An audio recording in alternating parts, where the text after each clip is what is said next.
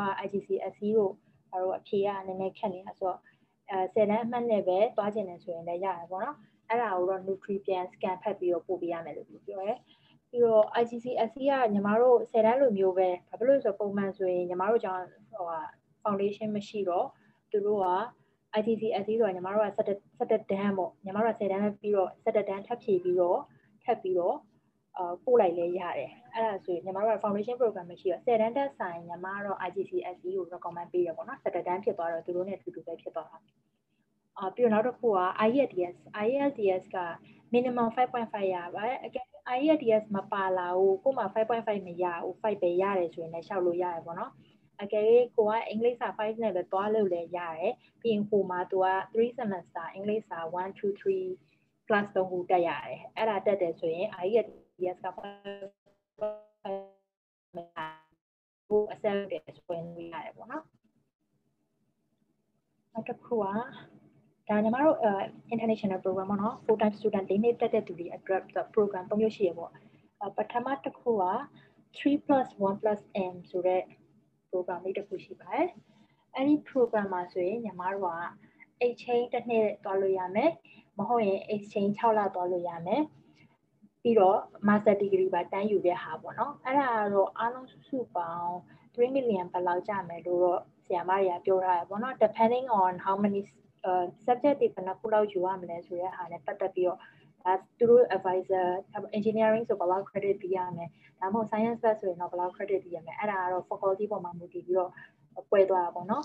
ပြီးတော့ coordinate intern ဆိုတာနောက်တစ်မျိုးရှိရပေါ့နော်အဲ့ဒါကတော့ညီမလုပ်ခဲ့တာပေါ့ coordinate intern ကဘယ်လိုမျိုးလဲဆိုတော့ cooperative engineering training ဟာစိုက်တဲ့နိုင်ငံပေါ့နော်ကိုအဆက်အသွယ်ရှိတဲ့နိုင်ငံမဟုတ်ရင်လည်းကိုယ့်ဘာသာကိုရှောက်ပြီးတော့အာတစ်နှစ်မဟုတ်ရင်6လအဲ့ဒီ university မဟုတ်ရင်လည်းအာအဲ့ဒီအလုံးမှာပဲပေါ့နော် training သွားယူလို့ရတယ်ပြီးတော့ intern က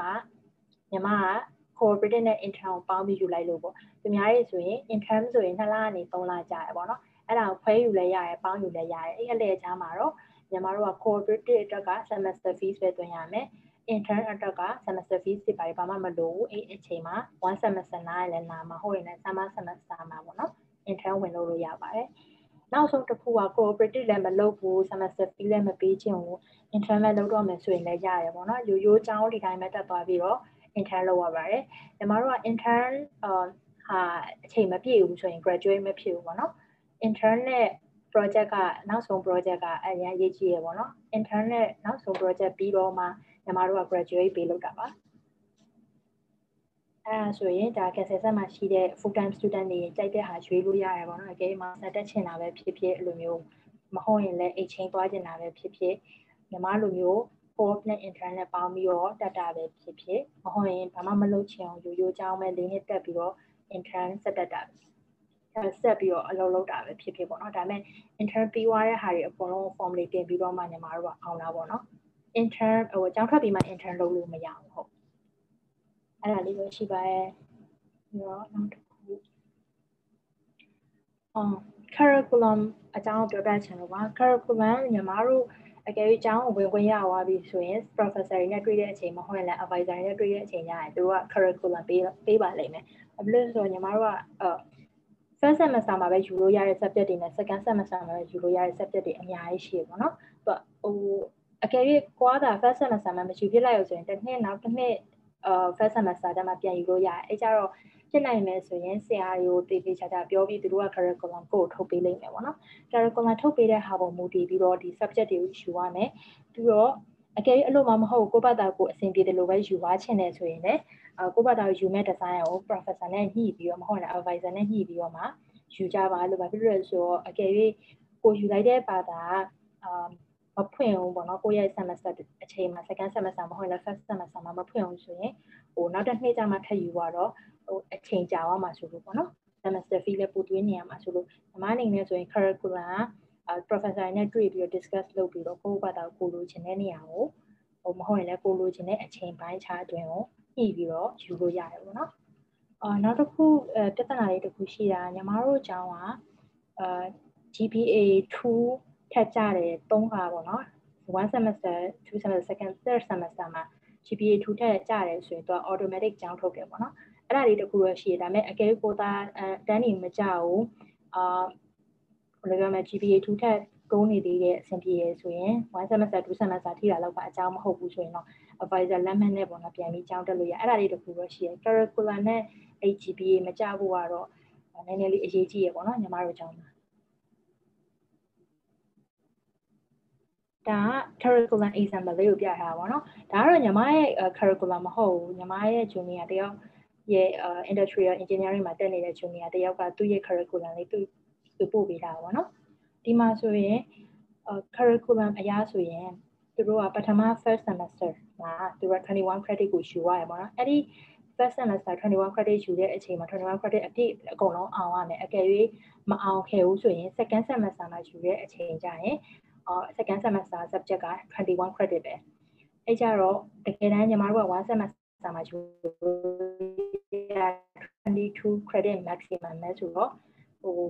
main subject ဖြစ်တဲ့ credit 3ပြီးတဲ့ဟာတွေပါတယ်ဆိုရင်ညီမတို့တက်လို့မရတော့ဘူးเนาะအဲ့တော့ summer semester ယူမလားမဟုတ်ဘူးဆိုရင်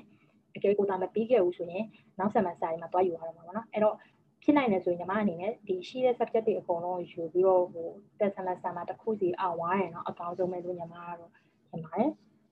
ဒါဆိုရင်အပထမ semester မှာဆိုရင်အကုန်လုံးတွေ့ချတဲ့အတိုင်းပဲဟို okay knowledge of land တို့ Thai language for communication တို့ general study တို့ရှိပါတယ်အဲ့ဒါတွေက minor subject ပေါ့နော် minor subject ဆိုရင်တို့က credit 3ပေးတာတွေရှိမယ်2ပေးတာတွေရှိမယ်တချို့ဟာတွေက1ရှိမယ်ပေါ့နော်အကယ်၍ညီမတို့ဆီမှာဒီမှာဆိုရင် engineering mathematics 1ဆိုရင်ဒါ major subject ပေါ့လုံးဝအောင်အောင်ရမယ်အဲ့ဒါတွေကတော့ physics 1ဆိုရင်လည်း major subject ပဲ credit 3ရှိမယ်ပေါ့နော်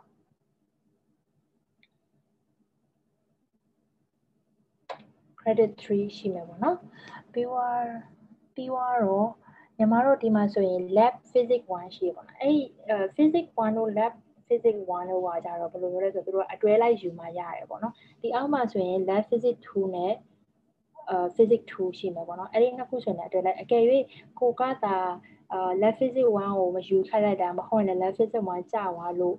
မဟုတ်ရင်လည်းကိုက drop လိုက်လို့ပေါ့နော် second semester မှာပြန်ယူတဲ့အချိန်ရရင် lab physics 2ယူလို့မရအောင်နောက် semester မှာယူလို့ရတယ်ဒါပေမဲ့နောက် semester မှာကျရင် lab physics 2က first semester မှာမဖွင့်အောင်ဆိုရင်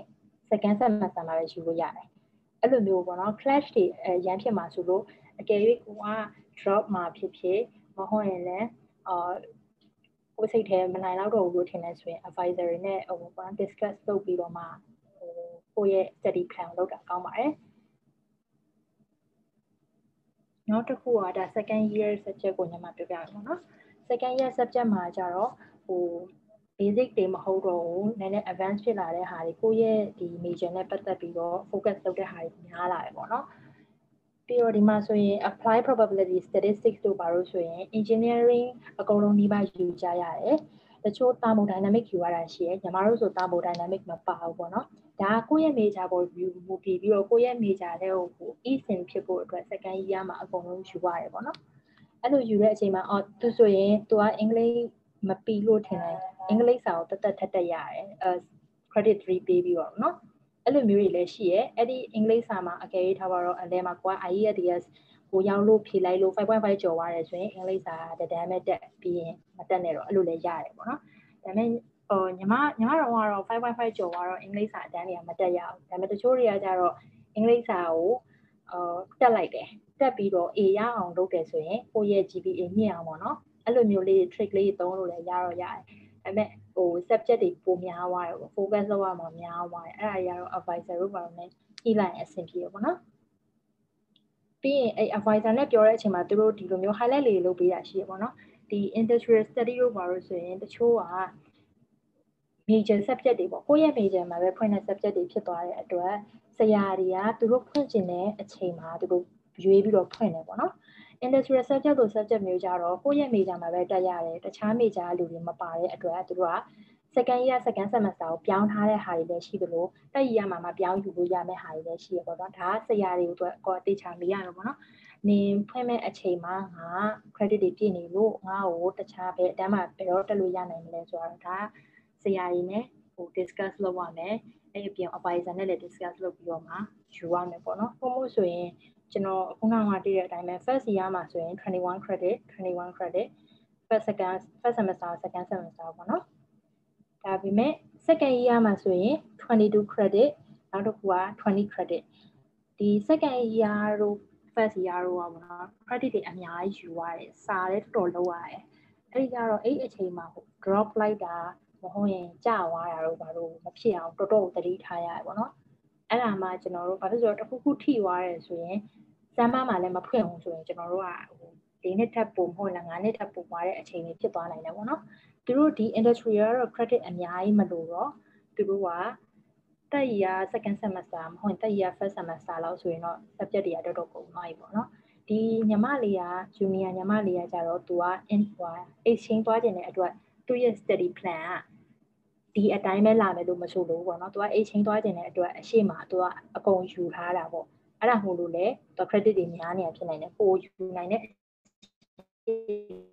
မှုနဲ့ဟို discuss လုပ်ရမှာပေါ့နော်ကိုလိုချင်တဲ့ပုံစံနဲ့အရှင်းမှညီမပြောခဲ့တဲ့ 3 3+1 program master ယူမဲ့ဟာဆိုရင်ဒီ study plan နဲ့မသွားဘူးသူသွားတဲ့ study plan တက်တက်ရှိရပေါ့နော်ဒီညီမလေးဒီ junior ညီမလေးက A ချင်းသွားခြင်းလို့သူက study plan တက်တက်နဲ့သွားမယ်ညီမတို့ကကြတော့ co-op နဲ့ internet သွားတော့ study plan တက်တက်သွားရဲပေါ့နော်အဲ့ဒီဟာလေးကတော့အချင်းချင်းတယောက်နဲ့တယောက်မတူကြဘူး major လည်းမတူကြဘူး advisor ပေါ်လည်းမူတည်ပြီးတော့ခွဲသွားရဲပေါ့နော်ဒီမှာဆိုရင်ဒါတက်ရရောက်ပါပြီပေါ့နော်တက်ရမှာဆိုရင်သူကအာဒါညီမတို့ general study တို့ဒီ pre project တို့ပြီးတော့ဒီအရှိမဆိုရင် social study တို့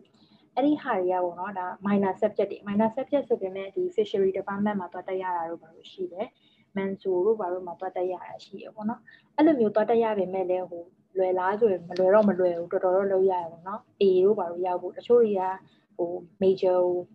ခက်တယ် minor ကိုလွယ်တယ်လို့ထင်ကြရပေါ့နော်ညီမတို့ကျောင်းမှာကျတော့တခြား department ကိုရောက်သွားတော့အဲ့ department ကလည်းသူတို့ဟာလည်းသူတို့ခက်တယ်အဲ့လိုမျိုးလေးတော့ရှိရကိုရွေးတဲ့ subject ကိုဖြစ်နိုင်ရင်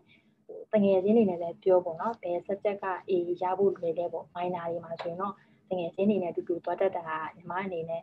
အာ အမှန်ကောင်းကောင်းရဖို့ပို့လွယ်တယ်ပေါ့နော်ဒါကက်ဆယ်ဆက်ရဲ့ဟိုဘယ်လိုပြောမလဲ style လေးပေါ့နော်ပြီးတော့ဒီတက်ရမှာကြတော့လုံးဝဒီ industrial မှာတက်ထားတဲ့သူဆိုရင် industrial လုံးဝတည်တက်မဟုတ်ဘူးဆိုရင် mechanical ဘိုင်းနဲ့ပါထားတဲ့ hacker သူတွေဆိုရင် mechanical တည်တက်မှာနော်ဒီကိုယ့်ရဲ့ major နဲ့ပတ်သက်ပြီးတော့လုံးဝအစနဲ့အဆုံးသင်ရတဲ့ဟာဒါဟိုအရဲမှာပါပေါ့နော်ဒီတက်ရမှာပါတာပေါ့ပြီးတော့သူကတက်ရမှာပဲ summer semester မှာသူက internship လုပ်လိုက်တယ်။နောက်ကညီမပြောတဲ့အတိုင်းပဲ internship ကဟိုဘယ်လိုပြောရမလဲ2 to 3 month ပဲလုပ်ရတာဆိုတော့အလဲက summer semester မှာဒါကိုက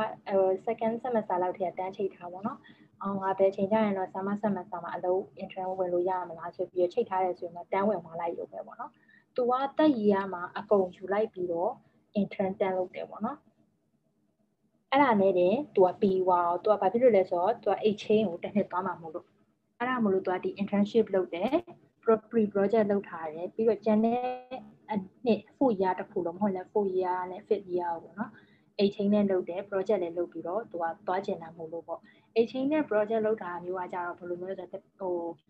subject နဲ့လည်းဆိုင်တယ် professor နဲ့လည်းဆိုင်တယ်ဘာဖြစ်လို့ဆိုညီမတို့ဆိုရင်အိတ်ချင်းမရှိဘူးတချို့ subject တွေမှာအိတ်ချင်းရှိတယ်အကယ်အိတ်ချင်းရှိတယ်ဆိုရင်တော့သူဆို Sweden သွားမှာပေါ့နော်အဲ့လိုမျိုးအိတ်ချင်းသွားကျင်တဲ့ဟာကိုယ့်ရဲ့ဆရာနဲ့ ကိုယ့်ရဲ့ advisor ကအကယ်၍ connection ရှိလို့နေအချိန်သွားမလားမဟုတ်ရင်လည်းမင်းရဲ့အမှတ်ကကောင်းတယ်အချိန်သွားချင်လားဆိုတဲ့အချိန်ညမှာနော်အချိန်နဲ့သွားလို့ရအချိန်သွားတဲ့အချိန်ညရင်ဟိုနှမျိုးရှိပေါ့နော်မြန်မာတို့ semester fees ဆွဲပေးတာရှိမယ်မဟုတ်ဘူးဆိုရင်သူတို့ semester fees ကိုပေးပြီးတော့ညီမတို့သွားတက်ရရှိတယ်အချိန်ကတော့များတော့အပြင် university အချိန်ချင်းထဲမှာလည်းအချိန်လုပ်ပေးရများပါတယ်ပေါ့နော်ဟုတ်အဲ့ဒါဆိုရင်ဒါ curriculum လေးကိုညီမရှင်းပြပေးပါပါပြီ နောက်တစ်ခုက on ဒါ expense ပေါ့နော် expense နဲ့ပတ်သက်ပြီးတော့ညီမအခုပြောပြပေးပါမယ်။ကက်ဆက်ဆက်မှာဆိုရင်အဲ semester မတိုင်ခင်မှာပဲပတ်စံသွင်းစရာလိုပါတယ်ဟိုအကုန်လုံး၄နှစ်စာ၃နှစ်စာလို့မျိုးသွင်းစရာတစ်နှစ်စာလည်းသွင်းစရာမလိုဘူးပေါ့နော် semester တစ်ခုတစ်ခုစီရဲ့မတိုင်ခင်မှာပဲ semester fees သွင်းရတာပါအဲ့တော့ပုံမှန် normal semester fee ဆိုရင်ညီမခုနကပြောတဲ့အတိုင်းပဲ22 credit ပဲ ယူရပါတယ်22 credit တက်ပို့ပြီးရယူလို့မရဘူးပေါ့နော် short ပြီးယူလို့ရတယ်ပေါ့ဒါပေမဲ့အကယ်၍ကိုက3နှစ်မဟုတ်4နှစ်တည်းမှာချက်ချင်းအောင်ကျင်တယ်ဆိုရင်တော့22 credit ပဲယူပေါ့နော်အဲ့ဒါ9000ဘတ် sorry 9900ဘတ်6လဟိုပါပေါ့ semester 6လ semester ဆိုရင်တကယ်တမ်းအကြောင်းတက်ရတဲ့အချိန်က4 to 5 month လောက်ပဲရှိရပေါ့နော်ဟိုဟာ holiday များရဲဆိုရင်4 month လောက်ပဲရှိရ holiday မများဆို5 month ပေါ့နော် ပြီးတော့အဲ့ဒါ1300 USD နဲ့ကျွန်တော်ကဒါမှန်းချေလုပ်ပေးထားတာပေါ့နော်ပြီးတော့ summer semester fee summer semester fee ကတော့တကယ်တမ်းတွက်ကြည့်မယ်ဆိုသူကနည်းနည်းပိုသေးကြီးသွားတာပေါ့ summer semester fee က7 credit ပဲရတယ်ပေါ့နော်ဒါပေမဲ့သူကပတ်နှစ်ပေါင်းပေးရတယ်နှစ်လပဲတက်လို့ရမယ်ဒါပေမဲ့အဲ့နှစ်လမှာသူကကျောင်းကိုနေတိုင်းသွားရတယ်ပေါ့နော်ကျောင်းနေတိုင်းသွားပြီးတက်ရတယ်အခုကတော့ covid ဖြစ်နေတော့သူတို့ online class ပဲလုပ်မလားမသိဘူး summer semester fees က2လ2000ပေးရမယ်650 USD ကျဟိုကျတယ်ပေါ့နော်အဲ့ summer semester fee ကလည်းအမြဲတမ်းတက်လို့မရအမြဲတက်လို့မရဆိုတော့တက်လို့ရတယ်ပေါ့နော်ကိုလိုချင်တဲ့ subject ရှိရင်တက်လို့ရတယ်ပေါ့နော်အကယ် summer semester fee မှာဟိုတပါးသာပဲယူတာ which is like 3 credit ယူတယ်7 credit ပို့တယ်ပေါ့နော်ကျွန်တော်တို့က credit system နဲ့သွားတာမဟုတ်ဘူး semester system နဲ့သွားတာဆိုတော့ semester fees ပေးပြီးသွားရင် ဟို credit များများယူမလားနည်းနည်းယူမလားကိုယ့်ပေါ်ပဲမူတည်ပါဘူးเนาะ semester fees ကတော့ဒီ semester fees အတိုင်းပဲပေးရတယ်။အော်ဒါမဲ့တော့နောက်တစ်ခုပြောဖို့ကျွန်တော်မေးပါလို့အခုနကပြောတဲ့အတိုင်းကျွန်တော်တို့ကျောင်းမှာပေါ့နော်ဟို GPA 2မရဘူးသုံးခါကျော်သွားတဲ့အချိန်ညရင်ကျွန်တော်တို့ကဟိုဟာကြောင်ထုတ်တယ်လို့ပါလို့ဆိုပြီးအရန်လေးကြောက်နေမှာစုလို့ပေါ့နော်အဲ့လောက်အဲ့လောက်ကြီးလဲတအားကြီးလက်ခတ်နေရတော့မဟုတ်ပါဘူးလို့ ပြီးတော့ကျွန်တော်တို့စီမှာ A လေးလုံးထပ်ပို့ပြီးရတယ်ဆိုရင် semester fees ကိုတစ်ဝက် short ပေးတယ်အဲ့လိုမျိုး program တွေပါအများကြီးရှိရပေါ့နော်ကိုတော်ရင်တော်တလောက်ဟိုဆရာတွေစီကနေပြီးတော့ short ပေးတာရှိရ semester တိုင်း semester တိုင်းအတွက်သူကဟို short ပေးတာပေါ့နော်ကဲကျွန်တော်ကျွန်တော်ကထားပါ first semester မှာ A လေးလုံးရသွားတယ်ဆိုကျွန်တော် second semester ကို A ဟိုဟာ semester fees တစ်ဝက်ပဲတွင်းစရာလိုတော့မယ်ပေါ့ကျွန်တော် semester fees ကိုတစ်ဝက်ပဲတွင်းစရာလိုတော့မယ်ဆိုရင် နောက် second semester မှာထပ်ပြီး A လေးလုံးအထက်ရတယ်ဆိုရင်ကျွန်တော်က second year first semester မှာလည်းထပ်ပြီးတော့တစ်ဝက်ပဲတွင်းရမှာပေါ့နော် scholar မဟုတ်ဘူးဆိုပေမဲ့ကိုတော်တော်တလောက်အဲ့လိုမျိုးခါရှိပြီးသားပေါ့နော်။ तू ကတော့ចောင်းသားတိုင်းရရင်ចောင်းသားတိုင်းကိုပေးမယ်ဆိုတဲ့ပုံစံမျိုးပဲပေးတာပေါ့နော်။အဲ့အိလေးလုံးရဖို့ကလည်းတော်တော်လေးတော့လုပ်ရတယ်။အဲ့လိုလေးတော့ရှိရပေါ့နော်။အဲ့ဒီအတိုင်းဟိုကျွန်တော်တို့ system ကခက်ဆက်ဆက်ကအဲ့လိုတော့သွားတယ်။ပြီးတော့ living expense တော့မှကြောင်းပြောမှာနော်ကျွန်တော်ကအာကျောင်းထဲမှာပဲနေရပါ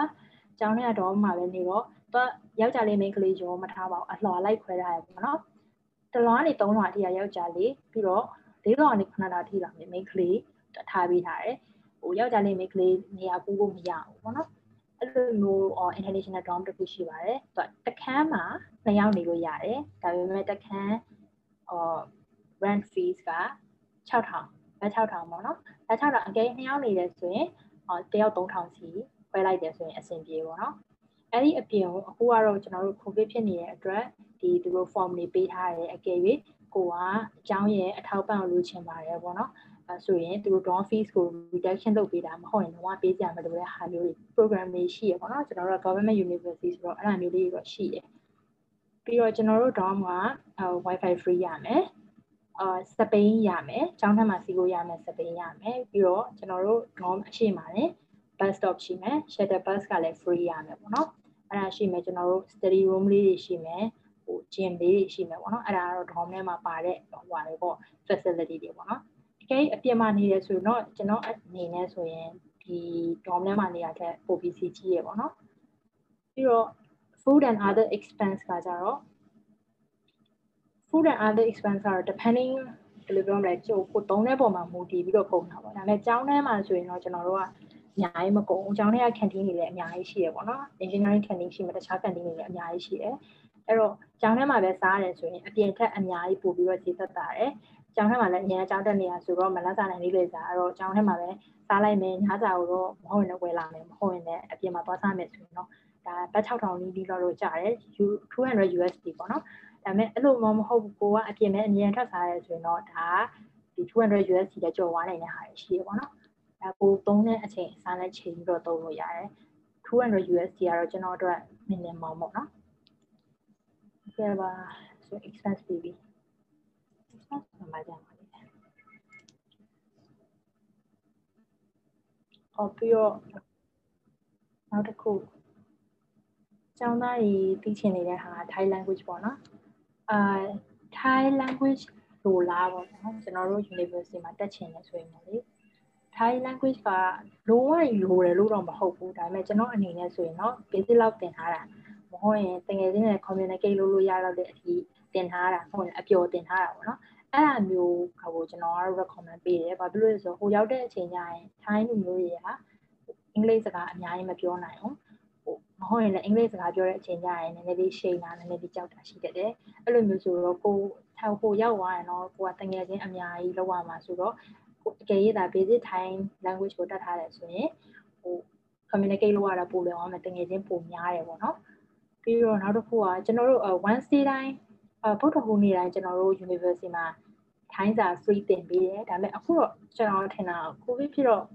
ပိတ်လိုက်ပြီလား online ရှိလားတော့ကျွန်တော်လည်း တတိမထားမိဒါပေမဲ့ကျွန်တော်တို့တော့ကတော့ free ဗုဒ္ဓဟူးနေ့တိုင်းသင်ပေးတဲ့ class ရှိရပါတော့အဲ့လို class ကိုသွားရဲဆိုရင်ကျွန်တော်တို့ foreigner တွေအများကြီးနဲ့တွေ့ရမယ်ဒါတော့ကို community ဒီကိုက foreigner တွေနဲ့ပုံများချင်တယ်အဲ့လို classes တွေမှာပတ်သက်လို့ရတယ်မဟုတ်ဘူးအဲထိုင်းတငယ်ချင်းတွေပုံများရဲစီချင်တယ်ဆိုရင်တော့ဒီ Thai language တွေနဲ့သင်ထားရတာကျွန်တော် recommend ပေးရပေါ့ဟုတ်ပြီးတော့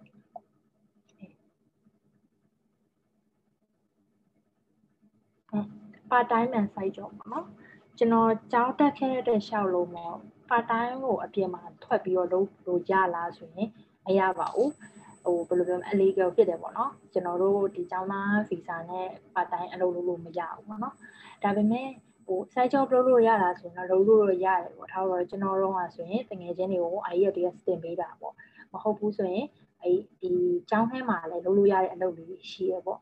librarian လောက်တာပဲဖြစ်ဖြစ်ဒါပေမဲ့ဟိုထိုင်းစကားလေးတန်ပိုကောင်းတယ်ပေါ့နော်ပို့ပြီးတော့ဆရာဆရာမတွေပေးတဲ့အလုပ်တွေလိုက်လုပ်ပေးလို့ရတယ်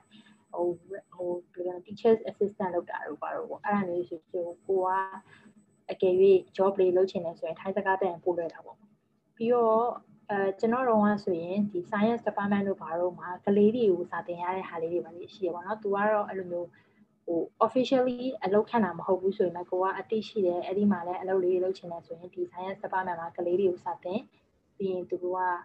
လိုပြောမလဲ side job အနေနဲ့ပေးတယ်ပေါ့နော်အဲ့ဒါမျိုးကျွန်တော်တို့ university မှာရှိပါတယ်ဒါပေမဲ့အပြင်မှာထွက်ပြီးတော့တက်တက်အလုပ်လုပ်လို့ရလားဆိုရင်တော့မရဘူးအဲ့ဒါကကျွန်တော်တို့ဒီသူတို့အလုပ်လုပ်တဲ့အချိန်ကျရင်ကျွန်တော်တို့ passport တောင်းတယ်ပေါ့နော် passport တောင်းတဲ့အချိန်ကျရင်ကျွန်တော်တို့က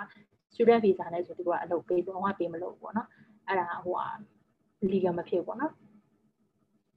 အဲ့တော့ကျွန်တော်တို့ဒီ part time နဲ့ side job ကပြီးသွားပြီ side job ကအကယ်၍ကိုကအင်္ဂလိပ်စာဟိုဖြစ်တယ်ဆိုရင်အင်္ဂလိပ်စာသင်လို့ရတယ်သူတို့စီမှာအဲ့ဒါရှိတယ်ကလေးတွေကိုသင်တာပဲဖြစ်ဖြစ်တကယ်ချင်းချင်းချင်းသင်တာပဲဖြစ်ဖြစ်မဟုတ်ဘူးဆိုရင်ဆရာတွေစီမှာ teachers assistant ရနိုင်တယ်ပေါ့နော်အဲ့ဒါမျိုးတွေတော့ရှိတယ်ဒါ part time နဲ့ side job အတွက်ပေါ့နော်ပြီးတော့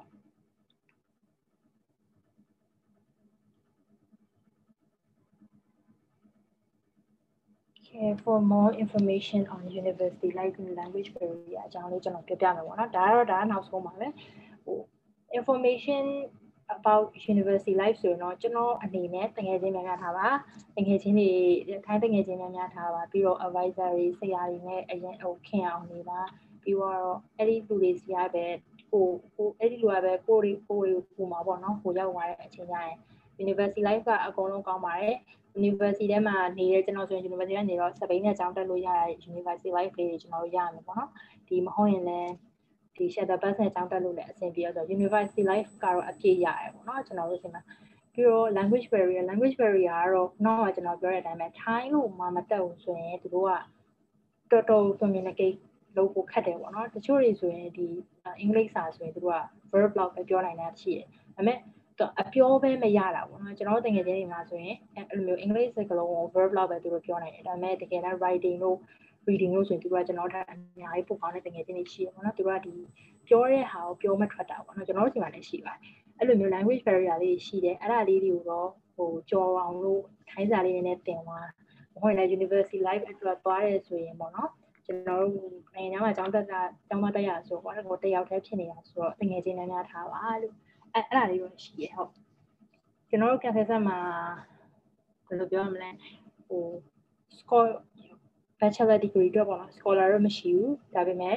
အဲ 40 တက်ကျော်ရယ်ဆိုရင်သူတို့ကျွန်တော်တို့ကိုတဝက်မဟုတ်ရင်အပြည့် second semester မှာ short ပြီးတယ်အဲ့ဒီ process ကတော့ရှိပြီးသားဒါပေမဲ့အဲ့ဒီ process တွေအကုန်လုံးထဲမှာကျွန်တော်တို့ဒီ form တွေတင်ရတဲ့ဟာတွေ request form တွေပါတယ်တင်ရတဲ့ဟာတွေအများကြီးရှိတယ်ပေါ့နော်အဲ့ဒီဟာဟို ဆရာကြီးနဲ့တည်တယ်မဟုတ်တကယ်ချင်းနဲ့တည်တယ်ဆိုဒီ information တွေကလွယ်လွယ်ရနိုင်တယ်ပေါ့နော်ကိုထားပါတော့ဟိုအကြောင်းထဲမှာပေါ့ဒီ science department မှာ site job လေးလုပ်ချင်တယ်အဲ့ဒီအတွက်ကျွန်တော် site job လေးလုပ်ချင်လို့ပေါ့နော်ဆိုတာတကယ်ချင်းရှိရဆိုရင်ရနိုင်တယ်မဟုတ်ရင်လည်းစာတင်ရင်လည်းကိုတကယ်ချင်းလမ်းများရှိတော့ဟိုကအင်္ဂလိပ်စာတင်ပေးချင်တယ်ဆိုရင်လည်း site job အနေနဲ့လုပ်ပေးလို့ရတယ်ပေါ့နော်အဲ့အပြင်မှာတော့ဟို legal နေတဲ့တက်တက်ကြီးလုပ်လို့တော့မရအောင် Okay ကျန်တဲ့ question လေးများရှိကြလားမသိဘူး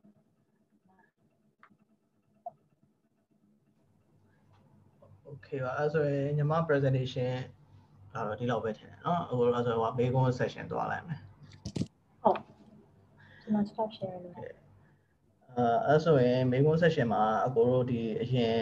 ကြိုပြီးတော့မေးထားတဲ့မေကွန်းလေးရှိရပါတော့။အဲ့ဒီထဲမှာအများစုကတော့ညီမရှင်းပြပေးသွားတဲ့နေရာမှာလည်းပါတော့ပါပြပါပြီ။ဒါပေမဲ့အကိုသိကြအောင်ထပ်ပြီးတော့မေးလိုက်မယ်ပေါ့နော်။ အာပထမဆုံးမေးထားတာကဒီကဆက်ဆက်ကိုရှောက်ဖို့အတွက်ဘာတွေပြင်ဆင်ရမလဲပေါ့သူကတော့ channel မေးထားရပေါ့နော်အဲ့ဒါမှာညီမဘာတွေများဖြည့်ဆွက်ပြီးတော့ပြောချင်တာရှိသေးတယ်အော်ဟုတ်ကျွန်တော်တို့ကစားဆက်မှာပေါ့နော်ရိုးရိုး bachelor degree ရှောက်မယ်ဆိုရင်တော့ခုနကပြောတဲ့အတိုင်းပဲဟို grade 10တန်းပြီးထားတဲ့အမှတ်မဟုတ်ရင် IGCSE 17တန်းဖြေထားတဲ့ဟာပေါ့နော်မဟုတ်ရင် SAT ကတော့ကျွန်တော်တို့စီမှာ SAT ကအဲ့လောက်ကြီးဟိုကမဖြစ်ဘူး SAT ဖြေကြတဲ့သူများတော့အဖြစ်ကတော့ America တို့ဘာလို့သွားလဲဘက်ကိုသွားတယ်ဆိုတော့ကျွန်တော်ကတော့ IGCSE ကိုအရင် recommend လုပ်တယ်ပေါ့နော်ကျွန်တော်တို့ကဆိုရင်လည်းဆယ်တန်းပြီးတော့ IGCSE ဖြေလိုက်တော့သူ accept လုပ်တာအရင်လွယ်လေလွယ်အမြန်လည်းမြန်တယ်ပေါ့နော်အဲ့ဒါလေးတခုတော့ရှိရဲ့ပြီးရင်အင်္ဂလိပ်စာ level IELTS 5.5ရှိရမယ်ပေါ့နော် bachelor degree အတွက်ပေါ့ဒါပေမဲ့အကယ်၍က5.5မရှိဘူးကိုမှ5ပဲရှိရဆိုရင်လည်းဟိုမှာသူတို့ accept လုပ်ပြီးွားတယ်ဟုတ်ပြီး5နဲ့လည်းလာတက်လို့ရတယ်ဆိုရင်ဟိုရောက်သွားတဲ့အချိန်ကျတော့မှအင်္ဂလိပ်စာ class 3ခုထပ်တက်လိုက်တယ်ဆိုရင်သူတို့ရတယ်ပေါ့နော်5.5မှာရေလို့ accept လုပ်တာတော့မဟုတ်ဘူးပေါ့လို့မျိုးလေးတော့ရှိရကိုပြီးတော့အဲ့ဒီဟာအတွက်ကအာ right hand ဆိုရင်ကျွန်တော်တို့ notary ပြန်ထားရမယ်ပြီးတော့ scan ဖတ်ပြီးတော့သူတို့ကိုခုနကကျွန်တော်ကြားထားတဲ့အတိုင်းပဲအာ form သူတို့စီက download ဆွဲရမယ်ရှိသမျှ education နဲ့ပတ်သက်တဲ့ဟာတွေအကုန်လုံး scan ဖတ်ပြီးတော့သူတို့စီကို email ပို့ပေးရမယ်။ကြည့်သူတို့ email မပြောင်းဘူးเนาะမပြောင်းဆိုရင် email နှစ်ပတ်တစ်ခါလောက်ထပ်ထပ်ပို့ပေးရမယ်။အဲ့ဒါမှမဟုတ်ဘူးလုံးဝမပြောင်းဖြစ်နေတယ်ဆိုရင်เนาะအော်ဖုန်းခေါ်ကြည့်ပါလို့ဖုန်းခေါ်ကြည့်လို့ရပါတယ်ဟုတ် ဟုတ်ကဲ့ပါ အဲ့ဒါလေးရှိတယ်ကိုဟောပြီးတော့အဲ့ဒါကတော့ကျွန်တော်တို့ဟို bachelor degree ပြောတာပေါ့နော်ကျွန်တော် information နဲ့မှာ master နဲ့ PhD အတွက်လည်းရှိရောရှိတယ်ကို master နဲ့ PhD ကတော့အဲ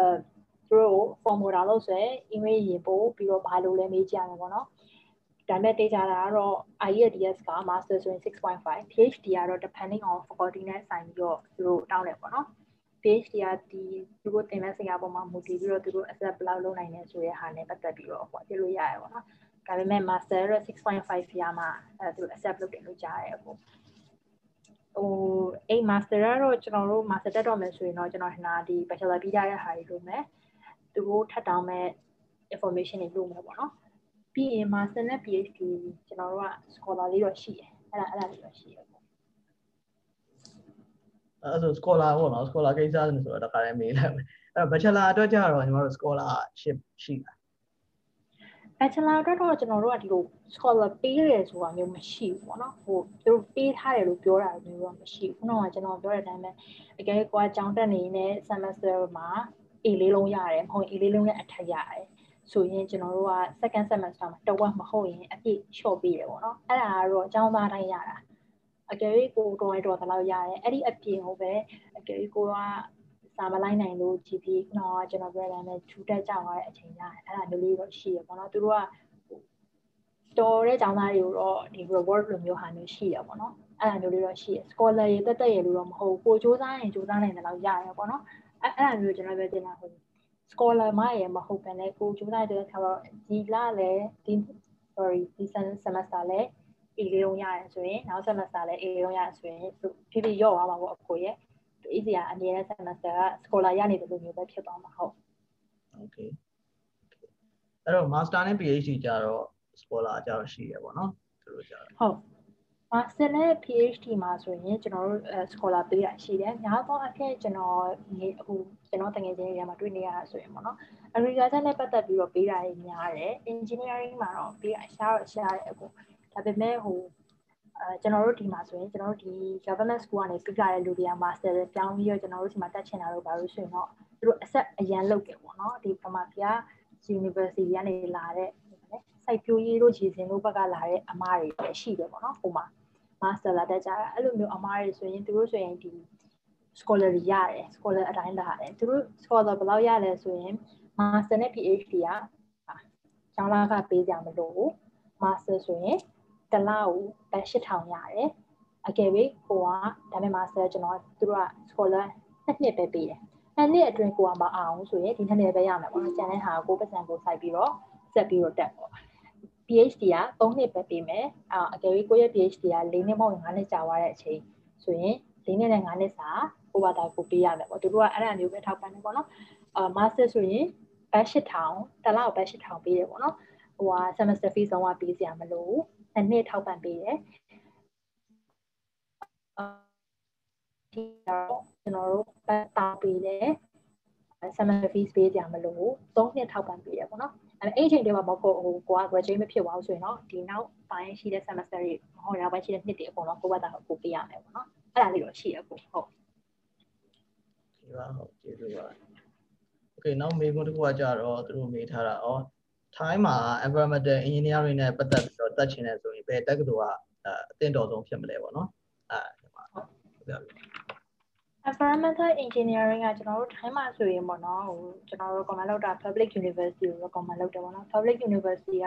ကျွန်တော်တို့လိုမျိုး cancer ရှိမယ်အမဆက်ရှိမယ်ကင်းမွန်ကွန်ရှိမယ်ပေါ့နော်ခြူလာလည်းရှိမယ်ပေါ့နော်အဲ့လိုမျိုး university ကိုကျွန်တော် recommend လုပ်တယ်ပါဆိုတော့အဲ့လို university တွေကဟို သူတို့က warrant လည်းလည်းမြင်တယ်ပြီးတော့ဒီစာလုံးဝင်စာလုပ်တဲ့အလျောက်ကို recognize အဖြည့်ခံရတယ်ပေါ့နော်ဒီကိုတော်ရတော်သားလောက်လည်းသူတို့က privilege ပေးတယ်ပေါ့နော်အဲ့ဒါမျိုးလေးရှိတော့ကျွန်တော်ကတော့အဲ EVE အတွက်ဆိုရင် university ကိုရှောက်ကြည့်ပါပေါ့နော်ပြီးတော့ကျွန်တော်နောက်တစ်ခုရှိတာကအဲတချို့ university ထားပါတမဆက်မှာဆိုရင် သူတို့က international program တော့မရှိဘူးဒါပေမဲ့ Thai program မှာတက်ပြီးတော့အင်္ဂလိပ်စာနဲ့သင်ပေးနိုင်လားလို့သူတို့မေးကြည့်လို့ရတယ်ပေါ့နော်အကယ်၍သူတို့သင်ပေးတယ်ဆိုရင် Thai program မှာဝင်တက်လို့ရတယ်ပေါ့နော်အဲ့ဒါလေးတခုရှိတယ်ဒါပေမဲ့ပွဲရရင်တော့ international program နဲ့ရတာမဟုတ်ပေါ့ video Thai program နဲ့ရထားတာဖြစ်သွားမယ်ပေါ့နော်အဲ့ဒါလေးရှိမယ်ပြီးတော့ကျွန်တော်အခုအခု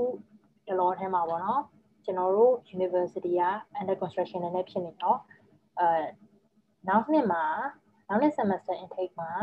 EVE ဖွင့်လားမဖွင့်လားမသိချာဘူးဖြစ်နေရပေါ့နော်အဲ့တော့အဲ့ဒီဟာကတော့ email လေးပို့ပြီးကျွန်တော်တို့မေးကြည့်လို့ရတယ်ပေါ့နော်သူတို့ပြန်ဖြေပါလိမ့်မယ်လို့ဘာဖြစ်လို့လဲဆိုတော့ကျွန်တော်တို့ဒီအကြောင်းကနည်းနည်းလေးပြင်ညာ international program အတွက်ပြီးတော့အခုနောက် semester မှာတက်ချင်တယ်အဲဘန်ကောက်ကိုပေါ့နော် EV တက်ချင်တယ်ဆိုရင်တော့ကျွန်တော်က Game of University နဲ့ Thammasat University ကို recommend ပေးပါတယ်။ Game of ကဟိုဟာသုံးခုပေါ့နော်အကြောင်းနာမည်တူတူ စင်တူနဲ့အကြောင်းသုံးခုရှိ University သုံးခုရှိရပါတော့။အကုန်လုံးဘန်ကောက်ဘန်ကောက်ထဲမှာပဲပေါ့နော်။ဘန်ကောက်ထဲဆိုတော့ဘန်ကောက်အပြင်ဘက်တော့နည်းနည်းရောက်တယ်အကိုရဲ့။ဒါပေမဲ့ဘန်ကောက်မြို့ထဲပဲပေါ့လေ။ဟိုအတွင်းထဲတော့မရောက်နိုင်ဘူးပေါ့နော်။နည်းနည်းလေးသွားရတော့ဝေးတယ်။ဒါပေမဲ့အိမ်နားမှာပဲနေတယ်ဆိုရင်တော့လည်းဝေးတယ်တော့မခေါ်တော့ဘူးပေါ့။ဘန်ကောက်အပြင်လေးတော့နည်းနည်းရောက်တယ်။ပြီးတော့တာမာဆက်ကတော့ဒါမြို့ထဲမှာရှိတာကျွန်တော်တို့ကျောင်းဆိုရင်မြို့ထဲမှာရှိတာမြို့ထဲမှာရှိတဲ့ကျောင်းတွေဆိုရင်ဟိုဟို BDS ဟိုဟာ Sky Train တို့ ဗာလဲ Underground Train တို့ရတယ်ပေါ့နော်အဲ့ဒါမျိုးဆိုရင်ကိုကမြို့ထဲသွားကျင်တာတော့ပါဆို access ပို့လွယ်တယ်ပေါ့ကျွန်တော်တို့ကျောင်းဆိုရင်ဒီ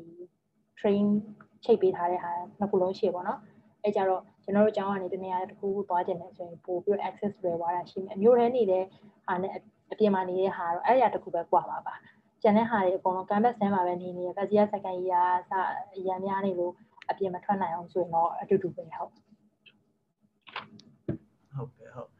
အဲအဲ့မှာအကိုနည်းနည်းလေးဖြည့်ပေးကြတာပေါ့နော်အဲ bachelor program မှာတော့ထိုင်းကတော့အဲနည်းနည်းလေးအဲရွေးချယ်စရာတော့နည်းနည်းလေးကျင်းတယ်လို့ပြောလို့ရပါဘောနော် environmental engineering နဲ့ပတ်သက်ပြီးဆိုရင်ခုနကနာမည်ကြီးတက္ကသိုလ်တွေရှိမယ်နောက် Mahidol တက္ကသိုလ်ရှိမယ်ပေါ့နော်အဲဆိုတော့အဲသူ့ရဲ့ requirement တွေကနည်းနည်းတော့မြင့်တယ် bachelor ဆိုတော့အဲ bachelor ကနည်းနည်းလေးခက်တယ်ပေါ့နော်ဆိုတော့နည်းနည်းလေးတော့ရှာကြည့်ရမယ်နောက်တော့ master ဖြစ်သွားတယ်ဆိုရင်တော့ရတယ်အဲ တက္ကသိုလ်နေပါလဲရတယ်ပေါ့နော်ဥပမာ AIT ဆိုရဲဒါနာမည်ကြီးတက္ကသိုလ်ပဲအဲအဲ့မှာရှောက်လို့ရတယ်နောက် Mahidol တို့ကျန်တဲ့အဲကဆက်ဆက်တို့အများကြီးပဲ master ဆိုရွေးချယ်စရာများသွားပြီပေါ့နော်ဆိုတော့အဲဟိုရှောက်ချင်တဲ့လူကတော့ဘယ်လိုပြောမလဲ environmental engineering ကတော့ဘယ်တက်တော့မှအရန်ကောင်းတယ်ဆိုတာတော့မရှိဘူးပေါ့နော်ဒါပေမဲ့သူတို့ Thai ရဲ့ university ranking တော့ရှိတယ်အာဘယ် subject မှာဘယ်က rank မြင့်တယ်စသဖြင့်ပေါ့နော်ဒါမျိုးလေးတော့ရှိပါတယ်ဟုတ်အဲ့ဒါတွေဖြည့်ပြတာပါ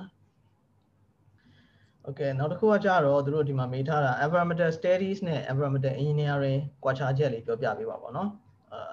environmental study အကြောင်းလေးလည်းသူအသေးစိတ်လေးသိချင်ပါတယ်ဆိုတော့မေးထားတယ်ဟုတ်ကဲ့ဟုတ်ကဲ့အဲ့ဒါကျွန်တော်ကျွန်တော်ဆိုရင်ကျွန်တော်တို့ထမဆိုရင် environmental အသုံးခုခွဲတာပေါ့နော် environmental engineering ပေါ့အဲ့ဒါ bachelor degree က engineering အောက်ကကျွန်တော်တို့ရမှာပေါ့နော် bachelor of engineering ရမှာပေါ့နော်ပြီးတော့ environmental science ရှိမယ် environment ရှိမယ်ပေါ့နော် အဲ့ဒီဟာတွေကကြတော့ကျွန်တော်တို့ science under ဖြစ်ဖြစ်မယ်မဟုတ်ရင် management under အပိုင်းမှာသူတို့ကဟို grade ထားတာပေါ့နော်ဟိုသူကဟိုကြားတဲ့ major ကဟို faculty กว่าပါတော့အဲ့ဒါလေးတခုတော့ရှိတယ်ဒါပေမဲ့ကျွန်တော်တို့ environmental engineering နဲ့ environmental studies နဲ့ science နဲ့ပါရေးกว่าလဲဆိုတော့ environmental engineering ကကျွန်တော်တို့ scientist ဘက်ကိုကျွန်တော်တို့ပို့ရောက်တယ်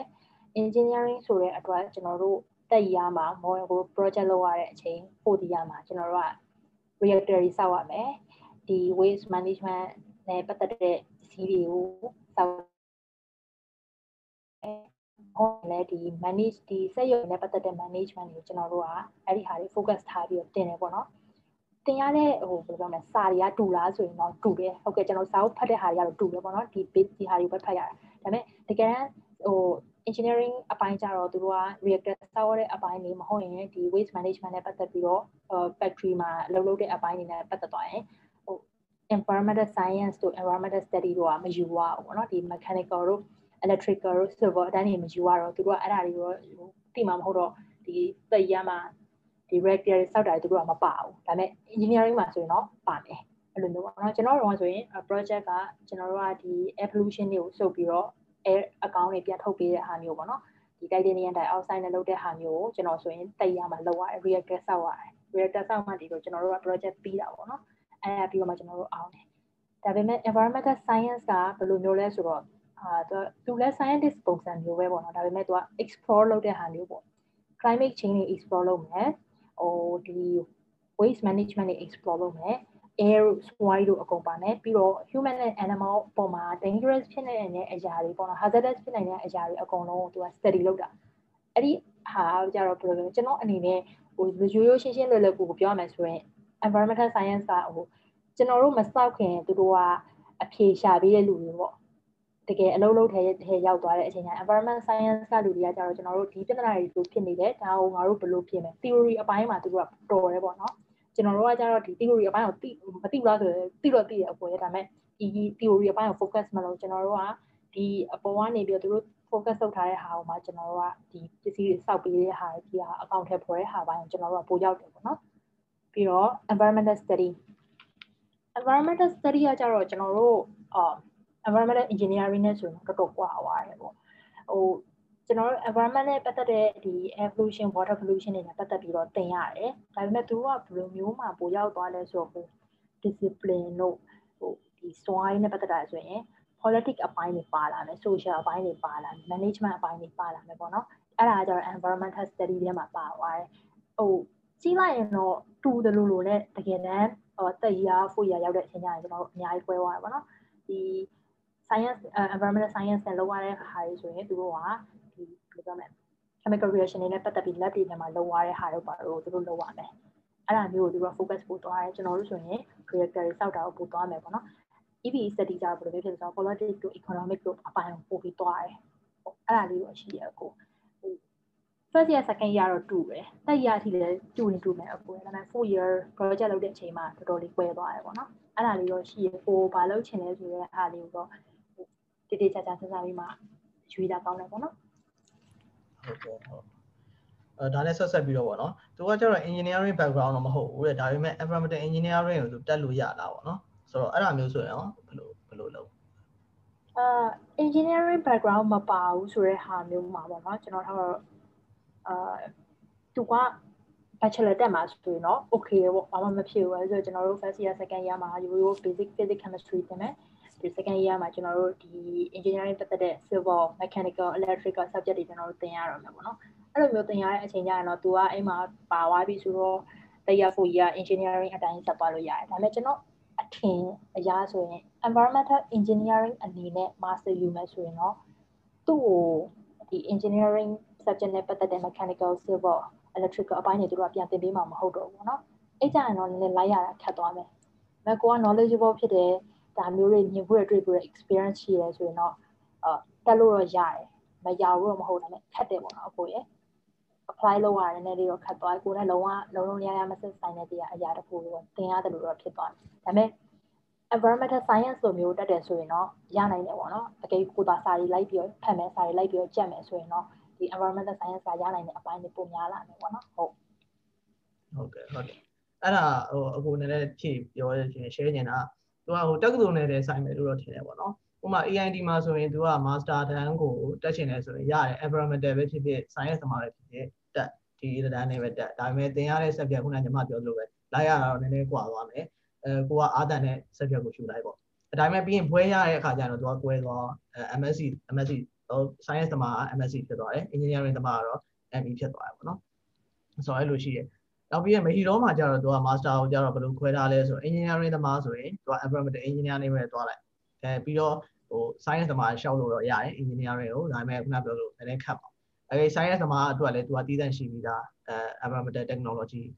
အဲ management လားမသိဘူးဆိုတော့ဆိုလို့အဲ့လိုမျိုးပေါ့နော်꿰သွားတယ်ဆိုတော့တက္ကသိုလ်တခုခုတက္ကသိုလ်ပေါ်မှာမူတည်ပါလိမ့်မယ်အဲ့တော့ကိုကဘာကိုရှောက်ချင်တာလဲဘယ်တက္ကသိုလ်ရှောက်ချင်တာလဲပေါ့နော်ဆိုတော့အဲ့ဒါလေးလည်းတစ်ချက်ကြည့်ပါလို့ အဲ့ဒါလေးတော့ဟုတ်တယ် focus တော့တော့လုပ်ရမယ်သူကိုကိုလိုချင်တဲ့ဟာနဲ့ပြီးတော့ကိုတက်ချင်တဲ့ပုံစံမျိုးနဲ့ပေါ့နော်ကျွန်တော်တို့ environmental engineering တောင်မှအများကြီးရှိတယ်ဟိုရေနဲ့ပတ်သက်ပြီးတော့တက်ချင်တာ waste water နဲ့လား soil နဲ့လား air pollution နဲ့လားပေါ့နော်ကျွန်တော်ဆိုရင် air pollution နဲ့ပို့ပြီးတော့ air pollution ဘက်မှာကျွန်တော်ပို့ပြီးသဘောကျတယ်ပေါ့နော်အဲ့လိုမျိုးတွေတော့ရှိဟုတ်ဒါဆိုတော့အကုန်နဲ့တူပါတယ်ဟုတ် okay အဲနောက်တစ်ခုကကြတော့ okay ဟိုပါပေါ့နော်အာ ana graduate ရှောက်တဲ့အခါမှာအသက်အကန့်အသတ်ရှိတာတဲ့ age limit ပေါ့အဲ undergraduate ရှောက်တဲ့အချိန်မှာအတန်းတက်တက်ရှိလားဆိုကျွန်တော်အထင်တော့ရှိမယ်လို့ထင်တယ်ဟိုသူကရှိတယ်လို့တော့မရေးထားဘူးเนาะဒါပေမဲ့ကိုက apply လုပ်တဲ့အချိန်ကျရင်သူတို့ accept လုပ်လား accept မလုပ်လားသူတို့ပေါ်မှာပဲမူတည်သွားတာပေါ့နော်ရှိတယ်လို့တော့မရေးထားဘူးဒါပေမဲ့ undergraduate ကများသောအားဖြင့်က3 to 5 year အတွင်းအောင်ပဲ apply လုပ်ကြတာဆိုတော့အဲ့ဒါလေးတခုတော့ရှိတယ် apply လုပ်ကြည့်ပါလို့မရဘူးလို့ကျွန်တော်ပြောတာမဟုတ်ဘူးเนาะ သူတို့ပြောထားတာပါမှမရှိဘူးအဲကြောင့် apply လုပ်ကြည့်ပါအကယ်၍သူတို့ accept လုပ်တယ်ဆိုရင်ဟိုကိုတက်လို့ရတယ်ပေါ့နော်အကယ်၍သူတို့က accept မလုပ်ဘူးဆိုရင်တော့ဒါဟို age limit ရှိတယ်လို့သူတို့ကမပြောအကယ်၍ကို experience ရှိတယ်မဟုတ်ဘူး double degree လို့ခြင်းလို့ဒါမျိုးနဲ့ကိုက email ပို့တဲ့အချိန်မှာရေးတယ်ဆိုရင်တော့ဒါရနိုင်ရရှိရပေါ့နော်ကျွန်တော်အနေနဲ့မရနိုင်ဘူးဆိုတာသူကပြောထားတာမရှိဘူးဆိုတော့ဟုတ်ဟုတ်ကဲ့အဲနောက်တစ်ခုကကြတော့ဒီ environmental engineering ရဲ့အကြောင်းပြီးသွားရင် အလောကအခွင့်အလမ်းတွေပါရှိတာမလဲပေါ့နော်အဲဘာဘာတွေလုပ်လို့ရနိုင်မလဲပေါ့ဟုတ် environmental engineering နဲ့ကျွန်တော်ပြီးသွားရဆိုရင်အာဘာလို့မျိုးတွေလုပ်လို့ရမလဲဆိုခုနကကျွန်တော် engineering နဲ့ပြီးထားတဲ့လူတွေကဒီ factory တွေမှာ waste management နဲ့ပတ်သက်တာတွေလုပ်လို့ရမယ် water management နဲ့ပတ်သက်တာတွေလုပ်လို့ရမယ်အကယ်၍ကိုကဒီဟိုဘယ်လိုရမလဲ air pollution ဆိုရင် air pollution soil pollution ဆိုရင် soil pollution အဲ့ဒါတွေနဲ့ပတ်သက်ပြီးတော့ research တွေနဲ့ပေါင်းပြီးတော့ research tree တွေမှာလုပ်လို့ရတာရှိမယ်အခု factory တွေမှာလုပ်လို့ရတာရှိမယ် fund တွေမှာလုပ်လို့ရတာရှိမယ်ပြီးတော့ကျွန်တော်တို့ဆိုရင်အာ fourth year မှာ health and safety ဆိုတဲ့ဟာမျိုးတွေသင်ရ hazardous ပေါ့နော်အဲ့ဒါဆို safety လုပ်လို့ရတဲ့ဟာရှိမယ် safety ဆိုတာ safety engineering ကကျွန်တော်ကျွန်တော်တို့ဒီဟိုဘယ်လိုရမလဲဒီစက်ရုံတွေရဲ့ safety အကြောင်းကျွန်တော်လိုက်ကြည့်ပေးရတဲ့ဟာတွေအဲ့ဒါမျိုးကတော့ experience တစ်ခုတော့လိုတယ်ပေါ့နော်ဒါပေမဲ့အဲ့ဒီအပိုင်းသွားချင်လည်းရမယ် အဲ့လိုမှမဟုတ်ဘူးဒီ environmental engineering ကိုအဆုံးထိယူပြီးသွားပြီဒါပေမဲ့ဒီအလုပ်တွေမှာမလုပ်ချင်ဘူးဆိုရင်ကျွန်တော်တို့ second year တို့ third year တို့မှာယူထားတဲ့ civil subject တွေရမယ်အာ architect ကိုပြန်သွားချင်တယ်ဆိုရင်လည်းရတယ်ကျွန်တော်တို့က drawing 2အထိသင်ထားတာဆိုတော့ဟိုဟာအထိ 3D အထိသင်ရတယ်ကျွန်တော်တို့က model ဆောက်တာတွေလည်းသင်ရတယ်အဲကြတော့ဒီ model ဆောက်တဲ့အပိုင်းကိုသွားခြင်းလို့ fund နေမှာအလုပ်လုပ်ချင်တယ်ဆိုလည်းရတယ်ပေါ့နော်အဲတခုရှိမယ်ပြီးတော့ electrical mechanical အပိုင်းကကျွန်တော်တို့က static တို့ဟိုစာပေါ့နော်စာပဲသင်ထားတာဆိုတော့အပြည့်မှာလောကလောက်တဲ့အထီတော့ကျွန်တော်ဟိုဘယ်လိုလဲ knowledgeable ဖြစ်သွားရင်တော့တမျိုးပေါ့ဒါပေမဲ့ကျွန်တော်အနေနဲ့ချင်းအခုမှ fresh graduate ဆိုရင်တော့ mechanical တို့ electrical တို့ကျွန်တော်တို့ comment မပေးဘူးပေါ့နော်ဒါပေမဲ့လုပ်လို့ရတဲ့နေရာတွေက factory ရမယ် fan တွေရမယ်အာပြီးတော့ research အပိုင်းတွေမှာရတယ်ပေါ့နော် university တွေမှာလည်းလုပ်လို့ရမယ်ဟုတ်ဟုတ်ကဲ့ အဲ့တော့များသောအားဖြင့်အဲဟိုဒီကတော့ environmental officer အနေနဲ့ဒီစက်ရုံတွေစီမံကိန်းတွေမှာလည်းလုပ်လို့ရတယ်เนาะ engineer နောက်ပြီး AI sector တို့ဘာလို့မှာပေါ့နော်အဲမြန်မာမှာကြည့်မယ်ဆိုရင်တော့သူကတီးတန်ရောအရင်ခွဲထားတာတော့အဲရေဘူးအပြင်တော့မရှိသေးဘူးပေါ့နော် engineering background မှာ science background မှာတော့မရှိပါဘူး။မှာတော့လုပ်လို့ရကြတယ်။အဲ့တော့ NGO တွေရှိမယ်ပေါ့နော်။ NGO တွေမှာလည်းဝင်လျှောက်လို့ရပါတယ်။အလုပ်ကိုင်းတွေကတော့များပါတယ်။ ဟုတ်ကဲ့အဲနောက်ဆုံးတစ်ခုပေါ့နော်သူကတော့ environmental နဲ့တော့မဆိုင်ဘူးသူကဒီ veterinary medicine တက်ချင်တာပေါ့နော်အဲအဲ့ဒီတော့သူဘာတွေများပြင်ဆင်ထားရမလဲကဆက်ဆက်မှာရှိတာပေါ့နော်အဲ့လေးညီမသိလားဟုတ်အမှန်တမ်းပြောရရင်ကျွန်တော်တို့ထဲမှာဆိုရင်ကျွန်တော်တက်ရတော့က veterinary medicine ပါတယ်အခုအာအဲ့ဒီအပိုင်းကိုလည်းသင်လို့ရတယ်ပေါ့နော်ဒါပေမဲ့အဓိက medicine အပိုင်းကို focus လုပ်တာလားဆိုတော့ for အဲ့လို focus လုပ်တာတော့မဟုတ်ဘူးကျွန်တော် တက်ရမှာ cooperative training ပေါ့နော်ကျွန်တော်တို့ဂျပန်ကျွန်တော်ဂျပန်သွားလိုက်တယ်သွားတော့ Japan University မှာကျွန်တော်အဲ့ veterinary medicine နဲ့ပတ်သက်ပြီးတော့ဟိုဟာ project လုပ်တဲ့ဟာပေါ့ဒါတော့ medicine ကို focus လုပ်တာတော့မဟုတ်ဘူးဒါပေမဲ့ကျွန်တော်တို့ဒီနာအဲ့တရိษံခြံတွေပေါ့နော်မွေးမြူခြံတွေဘေးနားကနေပြီးတော့ရေတွေနဲ့ရေတွေထဲမှာပါလာတဲ့ impurities တွေနဲ့ပတ်သက်ပြီးတော့သူတို့လုပ်ရတဲ့ဟာတခုရှိရပါတော့အဲ့ဒါကြတော့ဒီရေတွေကို waste ဟိုလောက်တာရှိနေ ရေတွေကိုတိုင်းပြီးတော့ပေါ့နော်ဒီရေကဒီပြန်ပြီးဆွပြတဲ့အချိန်ညရင်တိုင်းတာတွေအတိုင်းတာတွေနဲ့လိုက်ပြီးတော့လုပ်ပေးရတာရှိမယ်နော်မဟုတ်ရင်လည်းဒီရေတွေကနေပြီးပိုင်လိုင်းတွေ့ပြီးတော့သူတို့ဆွပြတဲ့နေရာကိုဘယ်လိုပို့မလဲဆိုတဲ့ဟာမျိုးတွေပေါ့နော်အဲ့ဒါမျိုးတွေအတွက် focus သွားတဲ့ဟာတွေရှိတယ်အမှအာပြီးတော့ veterinary medicine တတိတရိษံနဲ့ပတ်သက်ပြီးတော့ medicine အတွက်ဆိုပြီးတော့လိုချင်တယ်ဆိုရင်ကျွန်တော်ကတခြား subject တစ်ခုရှိအဲ့ဒါက environmental science major မှာပတ်သက်လို့ရတယ်ပေါ့နော်အခုအကယ်၍ minor လိုချင်တယ်ဆိုရင် အဲ့ဒီအပိုင်းမှာတော့ကိုယ်ပတ်သက်ထားတယ်ဆိုရင်ဒီ medicine နဲ့ပတ်သက်တဲ့ဟာတွေအကုန်လုံးသူက basic သင်ပေးလိုက်တယ်အဲကွာအဲ့မှာ project လုပ်တယ်ဆိုရင်အဲ့ဒီဟာနဲ့ပတ်သက်ပြီး study ပို့လုပ်ပြီးတော့ဒီတရိษံ medicine နဲ့ပတ်သက်ပြီးတော့သွားချင်ရတယ်ဒါပေမဲ့လုံးဝကျွန်တော်တို့က medicine ဘက်ကိုရွေ့သွားလားဆိုရင်တော့ medicine ဘက်ကိုရောရွေ့သွားတာမဟုတ်ဘူးเนาะဒီတရိษံစေးကူးတဲ့ဟာတွေအပိုင်းကိုဈေးကူဖို့အတွက်ပစ္စည်းတွေထွင်တဲ့အထီတော့မရောက်ဘူးဟုတ်ဟုတ်ဟုတ်ကဲ့ဟုတ်ဟုတ်ကျေးဇူးပါညီမ အဲဆိုရင်တော့ဟိုကမေးထားတဲ့ကြိုပြီးတော့မေးထားတဲ့မေးခွန်းတွေကတော့အဲ့ဒါပါပဲအခုတက်လာတဲ့ညီညီမတို့မေးချင်တာရှိရင်အဲမေးလို့ရပါပြီဗီဒီယိုလေးဖွင့်ပြီးတော့မေးဖို့ပါနော်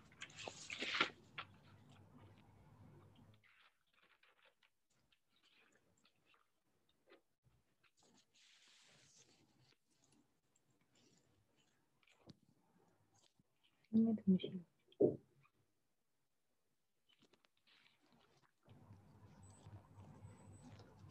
ဟိုဟာ mute လုပ်ပြီးဟိုလုပ်ပြီးတော့ unmute လုပ်ပြီးတော့မေးလို့မရအောင်ဆိုတော့ chat ထဲမှာမေးလို့ရပါတယ်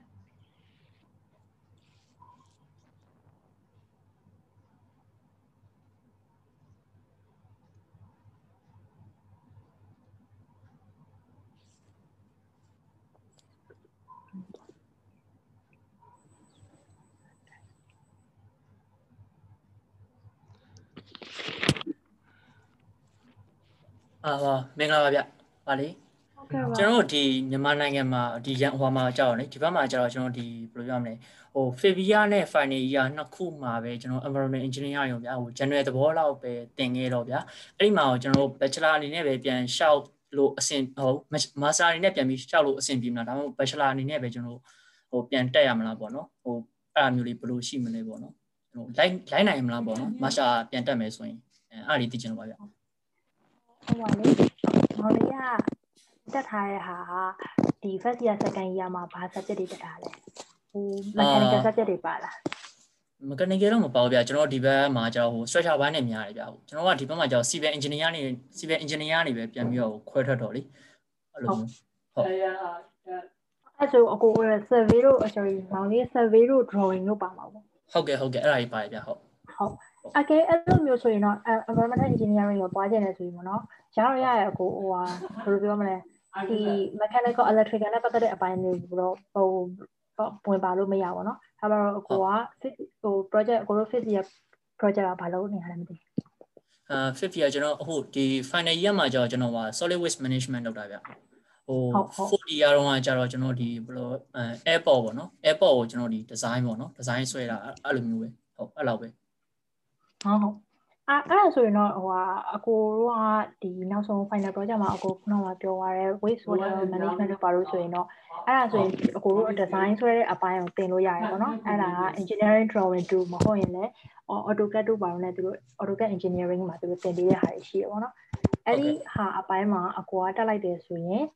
အဲ့ဒီ subject မဟုတ်ရင်လည်းဒီဟာနဲ့ပတ်သက်တဲ့ဟာကို knowledge ပေါ်ယူလိုက်တယ်ဆိုရင်မဟုတ်ရင်လည်းဒီ diploma တစ်ခုဆက်ယူလိုက်တာပဲဖြစ်ဖြစ်ပေါ့နော်တက်လိုက်တယ်ဆိုရင်တော့ environmental engineering မိခဲ့ပေါ့နော်မဟုတ်ဘူးအဲ master အကိုတက်ချင်တဲ့ environmental engineering ကိုသွားမယ်ဆိုရင်ရတယ်အကိုတက်လို့ရတယ်အကိုဘာဖြစ်လို့လဲဆိုတော့အဲ့ဒီအဲ့ဒီဟာယူတဲ့အချိန်ကျရင်ကိုကဒီ electrical ဘိုင်းကိုမယူ master ကျတော့ focus အရန်ပိုဖြစ်သွားတော့ပေါ့နော်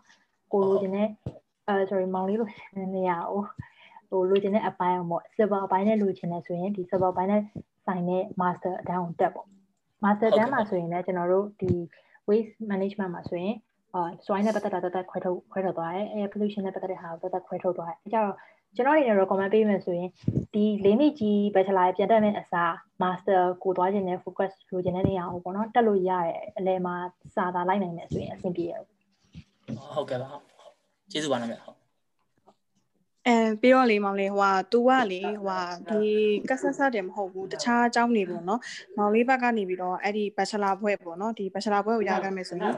တခြားအမြတ်ပေါ့ဘလို့ရစား AID ကိုလည်း join လို့ရတယ်လို့အဲ့လိုမဟီတိုလို့ပြီးတော့ကျတော့ခုနဟိုကိုကောင်းတဲ့ဆိုတော့မဟီတိုမှာရှိတယ်ပေါ့နော်ဆိုတော့မဟီတိုလို့တခြားတမဆက်တို့ရှိတဲ့နေရာကြောင့်လည်းကောင်းတော့ environment ကို join လို့ရတယ်ဘာလို့ဆိုတော့အမက server ကနေ join တာ environment ဆိုတော့ join လုပ်ရတယ်ပေါ့နော်။ဘာလို့ဆိုတော့အမတို့ server တော့မှာ waste water treatment plant တွေပါတယ်။အမတို့40လို့ BE လောက်တော့တင်ခဲ့တဲ့ဟာရှိရလေ။ဆိုတော့အဲ့ဒီဟာပြီးတော့ environmental engineering တော့ချိန်တယ်။ချိန်တော့အဲ master ကို join ဝင်တော့လေးအရန် chance များတယ်များဆိုဟိုပေါ့နော် scholarship လည်းများတယ်နောက်တစ်ခုကဟိုပေါ့ဘယ်လိုပြောမလဲတက်ချင်တဲ့ကိုယ်မှာရွေးချယ် opportunity ရမ်းများသွားတယ်ပေါ့နော် major တွေအားလုံးကကျတော့ဟုတ်ဆိုတော့ဒီ bachelor ကိုတွားပြီးတော့ဒီကွာကြောဟို ဟိုဒီမှာနိုင်ငံရေးအချင်းတွေကမတည်မငြိမ်နေဆိုတော့ပွင့်နေပြတော့ဟိုကြောင်းပြအောင်တက်ဆိုပြီးတော့အမားတို့က encourage တော့မလုပ်ချင်တော့ဒါပေမဲ့ဟိုအဓိကဖြစ်ဟိုကောင်းတဲ့လမ်းကြောင်းကကြတော့ကိုကဘစာဝင်မှာပြပြီးခဲ့ဆိုရင်နိုင်ငံခြားမှာဟိုအမဆိုတခုဂျာမနီပေါ့နော်ဂျာမနီဖြစ်ဖြစ်ဒီထိုင်းလန်ဖြစ်ဖြစ်အကုန်လုံးမှာကမောင်လေးကမာစတာကိုတန်း join လို့ရတယ်။ဒါဆိုအဲ့ဒါဟာတခုကဟိုနော်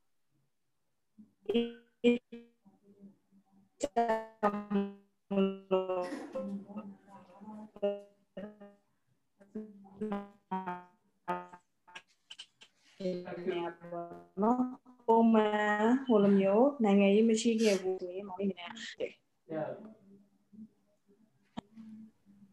ဆိုတော့ဒါပေမဲ့အခုလက်ရှိကျတော့ဟိုပေါ့ကိုကဟိုလည်းဖြစ်နေအောင်ဆိုလေအခုကျတော့ဒီနိုင်ငံရေးလည်းဖြစ်နေအောင်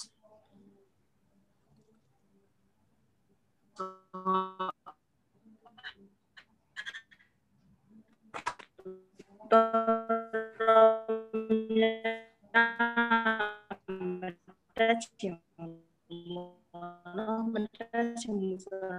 မြန်မာပြည်မှာမတက်ချင်တော့ဘူးဆက်ပြီးတော့ဟိုနာ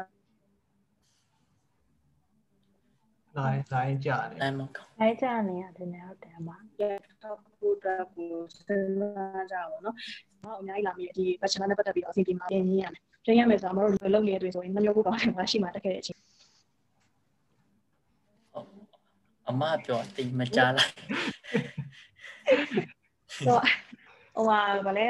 အမအမစီဆိုရင်တချို့လာမေးကြတာပေါ့နော်လာမေးကြဆိုနောက်ဆုံး final thesis ပေါ့နော်နောက်ဆုံး6နှစ်မြောက်မှာသူတို့ final thesis လုပ်နေတယ် internship နေတယ်သူတွေအများကြီးရှိရရှိတော့သူတို့အနေနဲ့ကကြောတက်ခဲ့တဲ့၄နှစ်ကနှမျိုးကိုကောင်းတယ်နှမျိုးကိုကောင်းတယ်ဆိုတာ bachelor ပြန်တက်ရင်အဲ့၄နှစ်ကရင်းရမှာပေါ့နော်ရင်းမှာဆိုအခုနေထားဟိုအမအနေနဲ့သူများကိုအကြံဉာဏ်ပေးဖို့အတွက်ကတော်တော်လေးခက်တယ်ပေါ့ဆိုတော့ဟိုကြောက်ဝယ်ပြအောင်မေးတလိုက်ဟေးဆိုရင်လည်းသိရမှာဟိုဟိုကိုကပြောချင်ဘူးပါအဲ့လိုမျိုးပုံစံကဟုတ်ကဲ့ဟုတ်ဟို bachelor တက်ဖို့တက်ကြတယ်လေးနှစ်ထပ်ရင်းရမယ်အဲ့လိုမျိုးပေါ့နော်တကယ်လို့ဟိုလုံးဝနိုင်ငံရေးလုံးဝပြန်တည်ငြိမ်သွားလို့ကိုကအဆင်ပြေတက်ချင်နေဆိုရင်တော့ဟိုပေါ့နော် master ကို join ရင်မောင်လေးအတွက်ကပို့ပြီးတော့လွယ်လေးမယ်လို့ထင်တယ်ဟုတ်ကဲ့ခင်ဗျာဟုတ်ကျေးဇူးပါလားခင်ဗျာဟုတ်ကဲဟိုဒီမှာမေးထားတဲ့မေးခွန်းလေးအရင်ဖတ်ပြလိုက်ပါနော်အဲတား country ကိုချိန်ထားတယ်တဲ့အဲတက္ကသိုလ်တွေထိုင်းတက္ကသိုလ်တွေနဲ့ချိန်ထားတာမျိုးရှိလားဆိုတော့ ကဆက်ဆက်မှာကြတော့တခြားနိုင်ငံတက္ကသိုလ်တွေနဲ့ချိန်ထားတာရှိလားဟုတ်ကျွန်တော်တို့ကဆက်ဆက်ကတော့တခြား university နဲ့ချိန်ထားတာရှိလားလို့မေးရလားကိုဟုတ်တယ်ဟုတ်ဟုတ်ကဲ့ကျွန်တော်တို့ဒီမှာချိန်ထားတဲ့ဟာတွေကအများကြီးရှိပါတယ်ဟုတ်ကဲ့ရှိပါတယ်လို့ဒါပေမဲ့အဲကိုသွားခြင်းနဲ့ကျွန်တော်ကျွန်တော်တော့ဆိုရင်အာတက်ရ second semester မှာကျွန်တော်က cooperative training သွားမယ်ဆိုပြီးတော့ကျွန်တော်ဟိုလုပ်တယ်ပေါ့နော် အဲ့ဒီဟာကျွန်တော်တို့ကျောင်းမှာ seminar လာတက်တဲ့ဆရာကြီးနဲ့သိရဆိုရင်လည်းသွားလို့ရတယ်ပေါ့နော်ဒါကကို opportunity ကိုဟိုလုံးနိုင်တဲ့လောက်ရတယ်ငါတို့မှာ connect လုပ်ထားတဲ့အကြောင်းမှာသွားရမယ်ဆိုတာမျိုးကျွန်တော်တို့ consider ကမရှိဘူးပေါ့နော်အဲ့တော့ကိုထားပါတော့ advisor ကျွန်တော် advisor ဆိုရင်သူကတမဆက်ကပြီးတာတမဆက်ကပြီးတာတော့သူကအကယ်ဟုတ်ပြီးနေ cooperative training ကိုတမဆက်ကိုတွားချင်တာအဲ့လိုမျိုးမေးတယ်ပေါ့နော်အကယ်၍ ကိုကဒီနိုင်ငံထိုင်း University အချင်းချင်းမှာပဲတွားချင်တာပဲဖြစ်ဖြစ်မဟုတ်ဘူးဆိုရင်ကျွန်တော်ခုနပြော junior ဆိုရင်သူက Switzerland ကိုတွားတယ်ပေါ့နော်တချို့က Sweden ကိုတွားတယ်တချို့ Germany ကိုတွားတဲ့သူတွေရှိတယ်ပေါ့နော်အဲ့ဒါကိုရှောက်ကြည့်လို့ရတယ်သူတို့ရဲ့ကိုတွားချင်တဲ့ဒီ training တွားချင်တဲ့ university ကို email ပို့ကြည့်ပါလို့ email ပို့ကြည့်ပြီးတော့ပေါ့နော်ကျွန်တော် training အိမ်မှာလာပြီးတော့ one semester လုပ်ချင်လို့ပါကျွန်တော်တို့ကျွန်တော်ရဲ့ advisor နဲ့ဆက်သွယ်ပြီးလို့ရမလားဆိုရင်အဲ့ဒါကိုသူတို့ဘက်ကသာအဆင်ပြေတယ်ဆိုရင်အိတ်ချင်းသွားတာပဲဖြစ်ဖြစ် ဒီ cooperative training သွားတာပဲဖြစ်ဖြစ်ကလွယ်တယ်ပေါ့နော်ကျွန်တော်တို့ကဆိုရင်ဒီအဲကျွန်တော်ကျွန်တော်ဆရာပေါ့နော်ဂျပန်ဆရာထိုင်းကိုလာပြီးတော့ conference တက်တာ conference တက်တော့ကျွန်တော် ਨੇ ဟိုဟာကျွန်တော် conference သူ့နောက်ကနေလိုက်ပြီးတော့ teacher assistant လုပ်ပေးနေတယ်ကျွန်တော်လည်းကျွန်တော်လည်းတည်သွားပါတော့တည်သွားတော့သူကကျွန်တော် training လာတက်ပါလားဆိုပြီးတော့ area စပြောတော့ကျွန်တော်ကဒီတဲ့ရ second semester မှာကျွန်တော် subject အများကြီးမရှိရမရှိတော့ကျွန်တော်ကဒီဂျပန်အကြောင်းပေါ့နော်လမ်းချိတ်ပြီးတော့ကဲ ဘောနော်ဒီ corporate တွေဒီမှာလုပ်ချင်ပါတယ်ဆိုပြီးပို့လိုက်တော့သူကချက်ချင်းလက်ခံပြီးပေါ့နော်အဲ့လိုမျိုးနဲ့ကိုယ်အချိန်လေးနဲ့ချိန်ပြီးတော့ semester ချိန်ပြီးတော့သွားနိုင်သွားချင်တယ်ဆိုရင်သွားလို့ရတယ်ပေါ့နော်ခုနက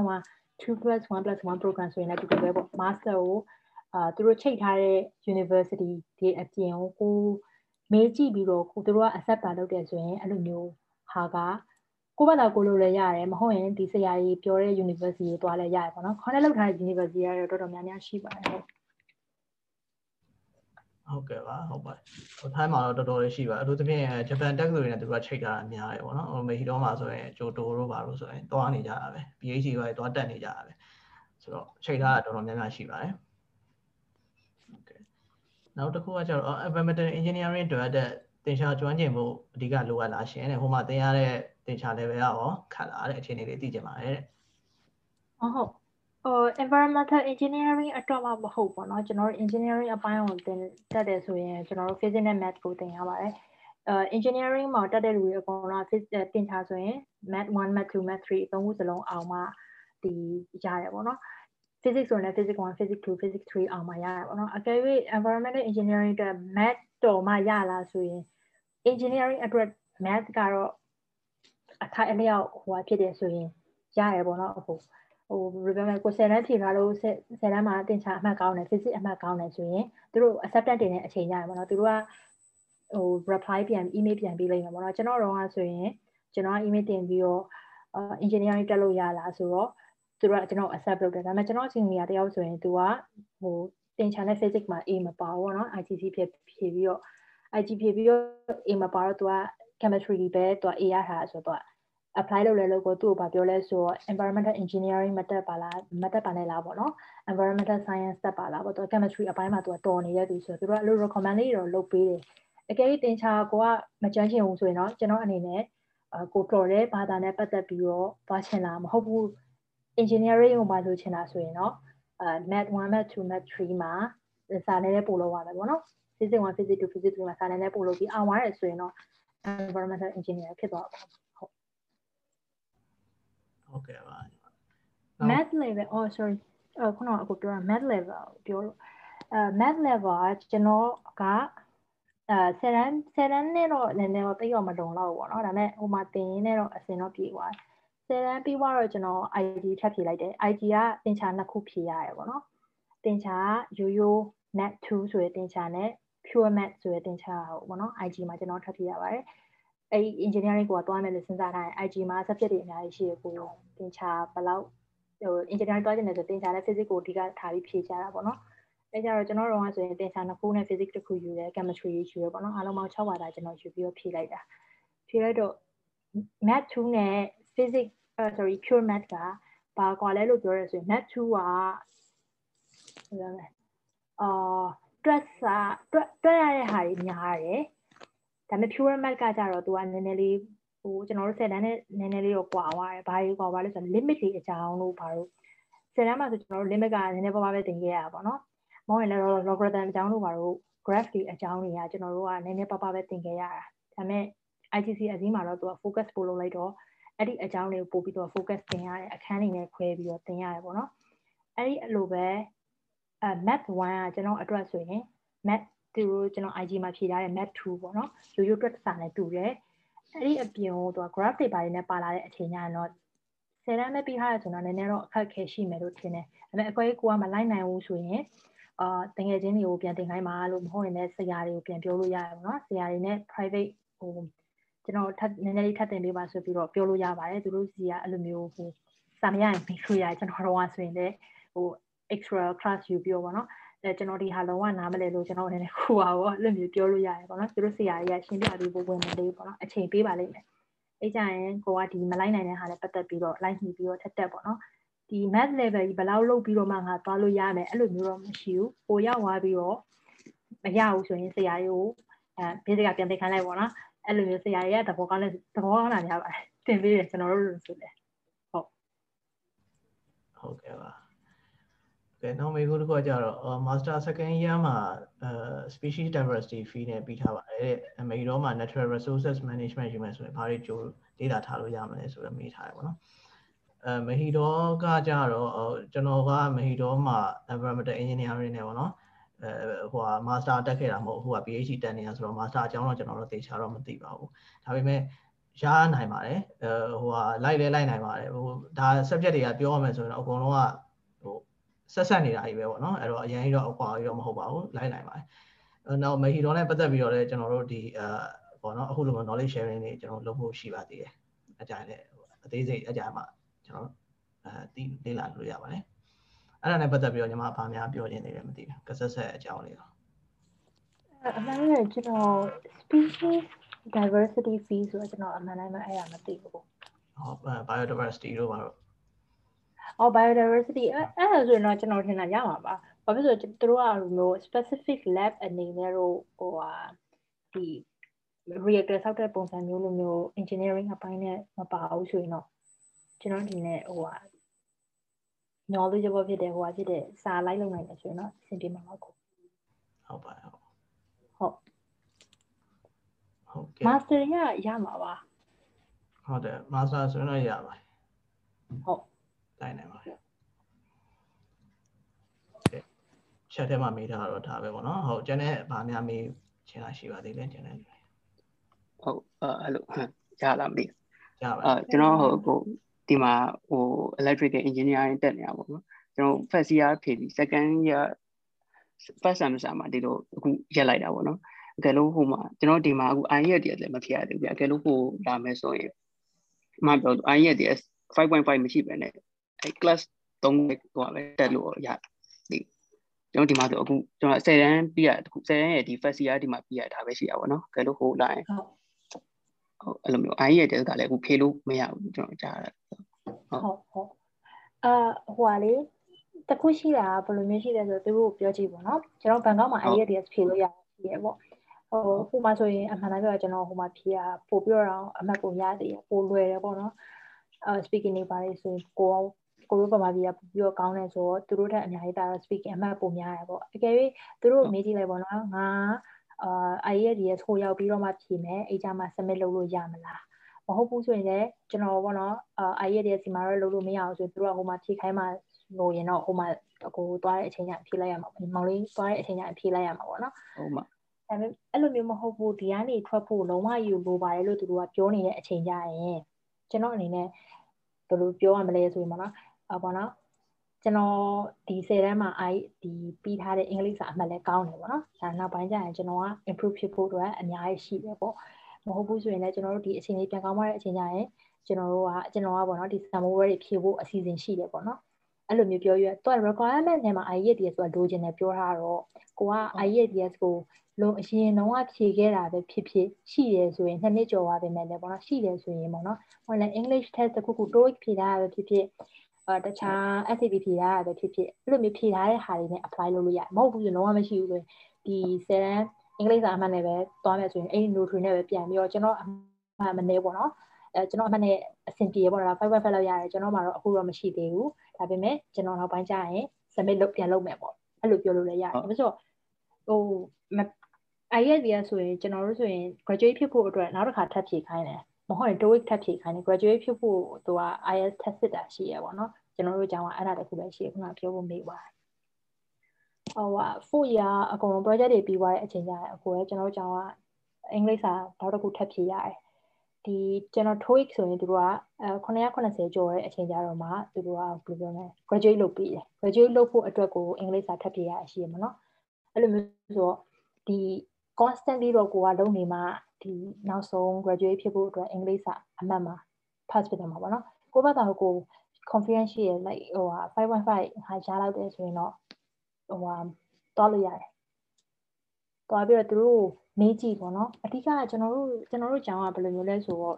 ကျွန်တော်တို့ကျောင်းလည်းမဟုတ်ပါဘူး Thai University ကဘယ်လိုမျိုးလဲဆိုတော့ပြောပြတဲ့ရတယ်ပေါ့နော်ကိုအစင်မပြေတဲ့ဟာလေးပြောပြပေါ့နော်ကိုအစင်မပြေတဲ့ဟာအခုအခြေအနေကြောင့်နိုင်ငံရေးအခြေအနေကြောင့် politics အခြေအနေကြောင့်ကျွန်တော်တို့ဒီဆောင်မွေးဖြေလို့မရသေးပါဘူး။ဟိုရင်ကျွန်တော်ဟိုရောက်တော့မှဖြေပြီးဆက်မဲ့လုပ်လို့ရမလား။ acceptance letter ယူပြီးတော့မှပေါ့နော်။မဟုတ်ဘူးဆိုရင်ကျွန်တော်ပေါ့နော်တခြားဖြေရတဲ့ဟာလေးတွေနဲ့များအဲပြန်ပြီးတော့ပေါ့နော်ချိန်ပြီးတော့များသူတို့များလက်ခံပေးနိုင်မလားပေါ့။ဒါမျိုးလေးရှိရပေါ့နော်။အဲ့လိုမျိုးလေးပြောကြည့်လို့ရတယ်ဟုတ်။ပြောကြည့်လိုက်ပါလို့ဟိုဟာဖြစ်တယ်ဆိုရင်လေသူတို့လည်းနားလဲပြီးပါတယ်အခုဖြစ်နေတဲ့အခြေအနေနဲ့ပတ်သက်ပြီးတော့လေဟုတ်ကျေးဇူးပါမဟုတ်ဟုတ်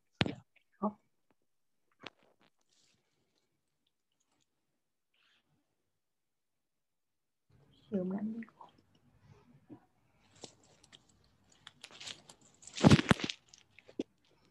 ပေးချင်တာရှင်းမြင်လို့ရပါတယ်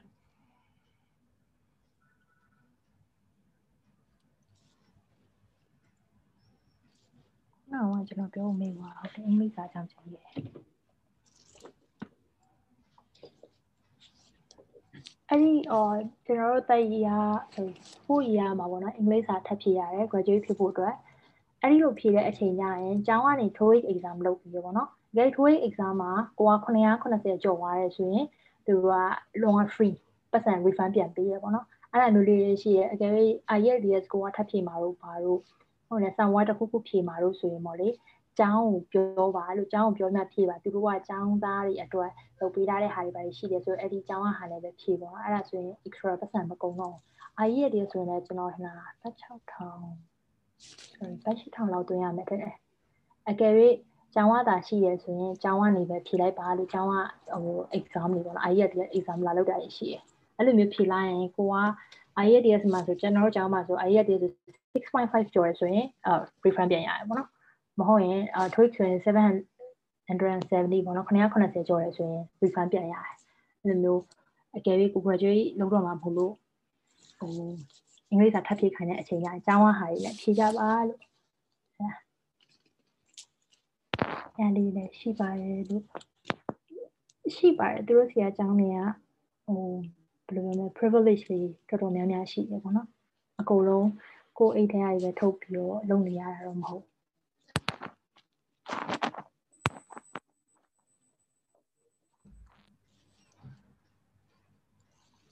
အများမေးစရာရှိသေးတယ်မသိဘူးရှင်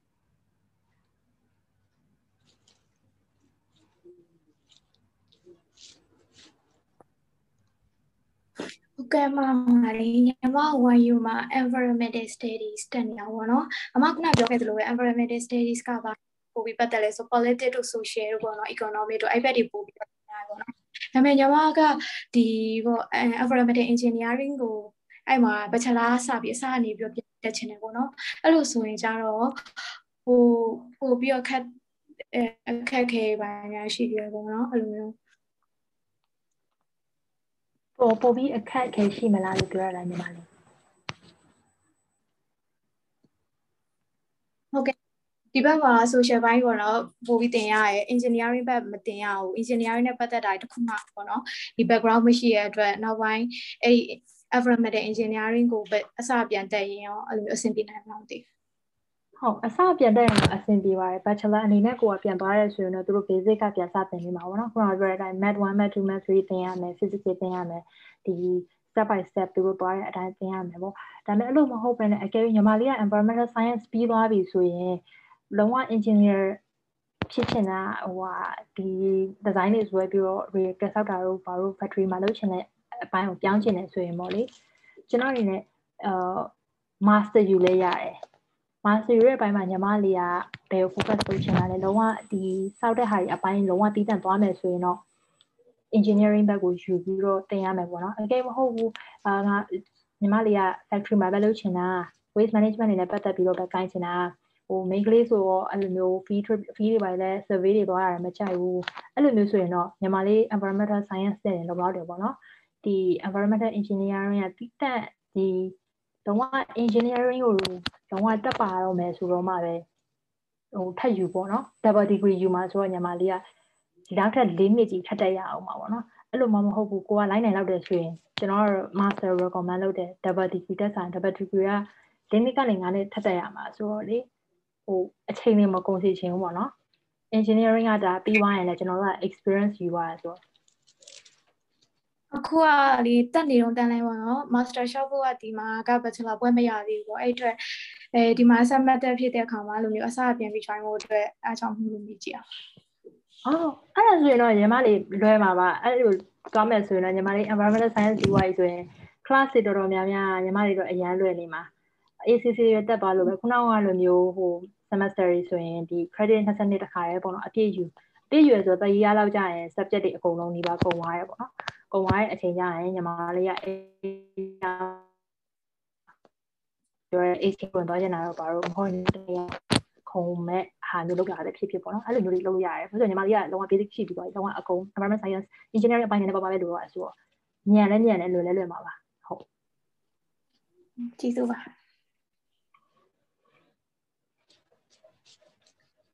ုတ်ပါ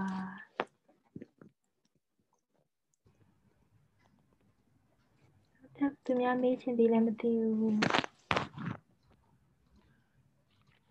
ဟိုက bachelor အကြောင်းမှမဟုတ်ဘူးเนาะအကယ် master အကြောင်းနဲ့ PhD အကြောင်းဆိုရင်လည်းကျွန်တော်သိတဲ့အပိုင်းလေးတွေပြောပြပေးလို့ရပါတယ်လို့ကျွန်တော်တို့အကြောင်းမှာဟိုဟာလေမှာ international program နဲ့ပတ်သက်ပြီးတော့တခြားဟာလေးတခြား program တွေမှာလည်းရှိရပါတော့အာ economic ပိုင်းမှာလည်းရှိတယ်ပြီးတော့ art အပိုင်းတွေမှာလည်းရှိတယ် ပြီးရင်ဘာရှိပါလဲအော် science program တွေမှာရှိမယ် tourism management ရှိမယ် economic and finance အပိုင်းတွေမှာလည်းရှိမယ်ပေါ့နော်ကျွန်တော်တို့ကြောင့်မှာအဲ့ဒီဟာတွေနဲ့ပတ်သက်ပြီးတော့လည်း international student တွေခေါ်ပါတယ်လို့ bachelor degree မှာခေါ်တာပေါ့နော် PhD နဲ့ master ကတော့ PhD နဲ့ master ကတော့ပေါ့နော်ဟိုဟာ university တိုင်းဘို့ဘို့မှာရှိဟုတ်တချို့က international program မရှိဘူးဆိုရင်တော့ PhD နဲ့ master ကသူတို့အင်္ဂလိပ်လိုသင်ပေးတာ ကျွန်တော်သိတဲ့အမားတွေဆိုရင် agriculture လာပေါ့နော်ဒီ scholar ရပြီးလာကြရေစင်းတို့ဘာတို့ကနေပြီးပြီးတော့ပေါ့နော်ဒီခက်ဆယ်ဆန်းမှာဆက်တက်တာဒါပေမဲ့ဟိုဟာ Thai program နဲ့တက်တာအင်္ဂလိပ်လိုသင်ပေးတယ်ပေါ့နော် master ဘွဲရရင် master ကိုလည်းယူ Thai master တော့ Thai master လို့တတ်တမရှိဘူးအဲ master ဘွဲရတယ်ပေါ့ဟုတ်အဲ့လိုမျိုးလေးလည်းရှိရဟုတ်အဲ့တော့အကယ်၍ contact လုပ်တဲ့အချိန်ကျရင်မေးကြည့်ပါလို့ကိုလိုချင်တဲ့ subject က international program မဟုတ်ဘူးအင်္ဂလိပ်လိုသင်ပေးမယ်လို့သူတို့ပြောရဲဆိုရင်လက်ကြည့်ပါလို့ဟုတ်အဲ့ဒါလေးကိုရှိရပြီးတော့တငယ်ချင်းများများထားပါလို့တငယ်ချင်းတငယ်ချင်းတွေများရင်ကိုလည်းတွေ့ရရရသူတို့စီမှာအရင် friendly ဖြစ်ပါရဲ့လို့ဘာလေးများမေးချင်သေးလဲမသိဘူး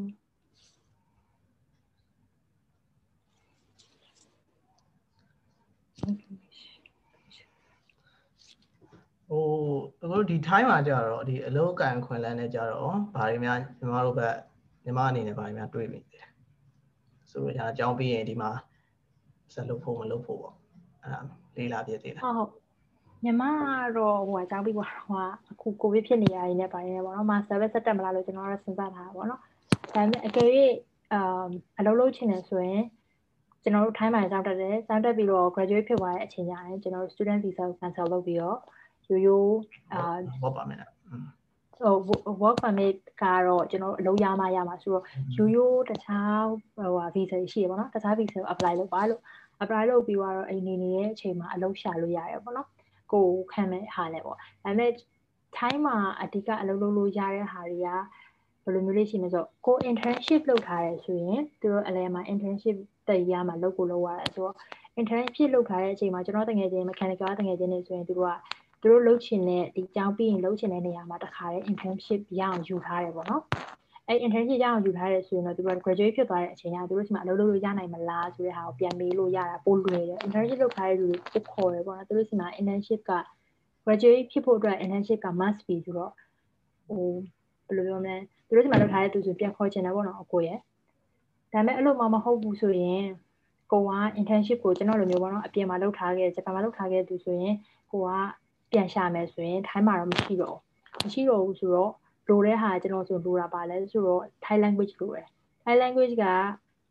အဲ့ချိန်ကျရင်အလုပ်ထရအောင်တော့လုံးဝအရန် essential ဖြစ်သွားရဲ့အကိုကတော်တော်လေးရေးတက်ဖတ်တက်မှာဒီအလုပ်ကခံမှုအတွက်စဉ်းစားရတယ်ပေါ့နော်ဘာဖြစ်လို့လဲဆိုတော့ပထမ problem ကကျွန်တော်တို့ fresh graduate ဖြစ်တဲ့ experience လုံးဝမရှိဘူးအဲကြတော့သူတို့ကျွန်တော်တို့နဲ့ communicate ဖြစ်ရတဲ့ဟာမှာတော့အခက်အခဲရှိရဆိုရင်သူတို့ fresh graduate ဖြစ်တဲ့အကြောင်းသားထိုင်းကျောင်းသားကိုပဲသူတို့ခံမှာပေါ့နော် international program ပြီးသားတဲ့သူခံမှုသူတို့ကပို့ပြီးတော့အလားအလာများတယ်ပြီးတော့နောက်တစ်ခုကျွန်တော်တို့ထိုင်းမှာအခုဖြစ်နေတာဆိုရင် covid ဖြစ်နေတဲ့အတွက် fresh graduate တွေအစားသူတို့က experience ရှိတဲ့သူတွေပို့လို့ကျန်တာမျိုးရှိမယ်အဲ့ဒါရှိမယ်ဟိုအလုပ်ရှာဖို့ခက်လားဆိုရင်ကျွန်တော်တို့ဗမာပြည်မှာလို့မျိုးပဲเนาะ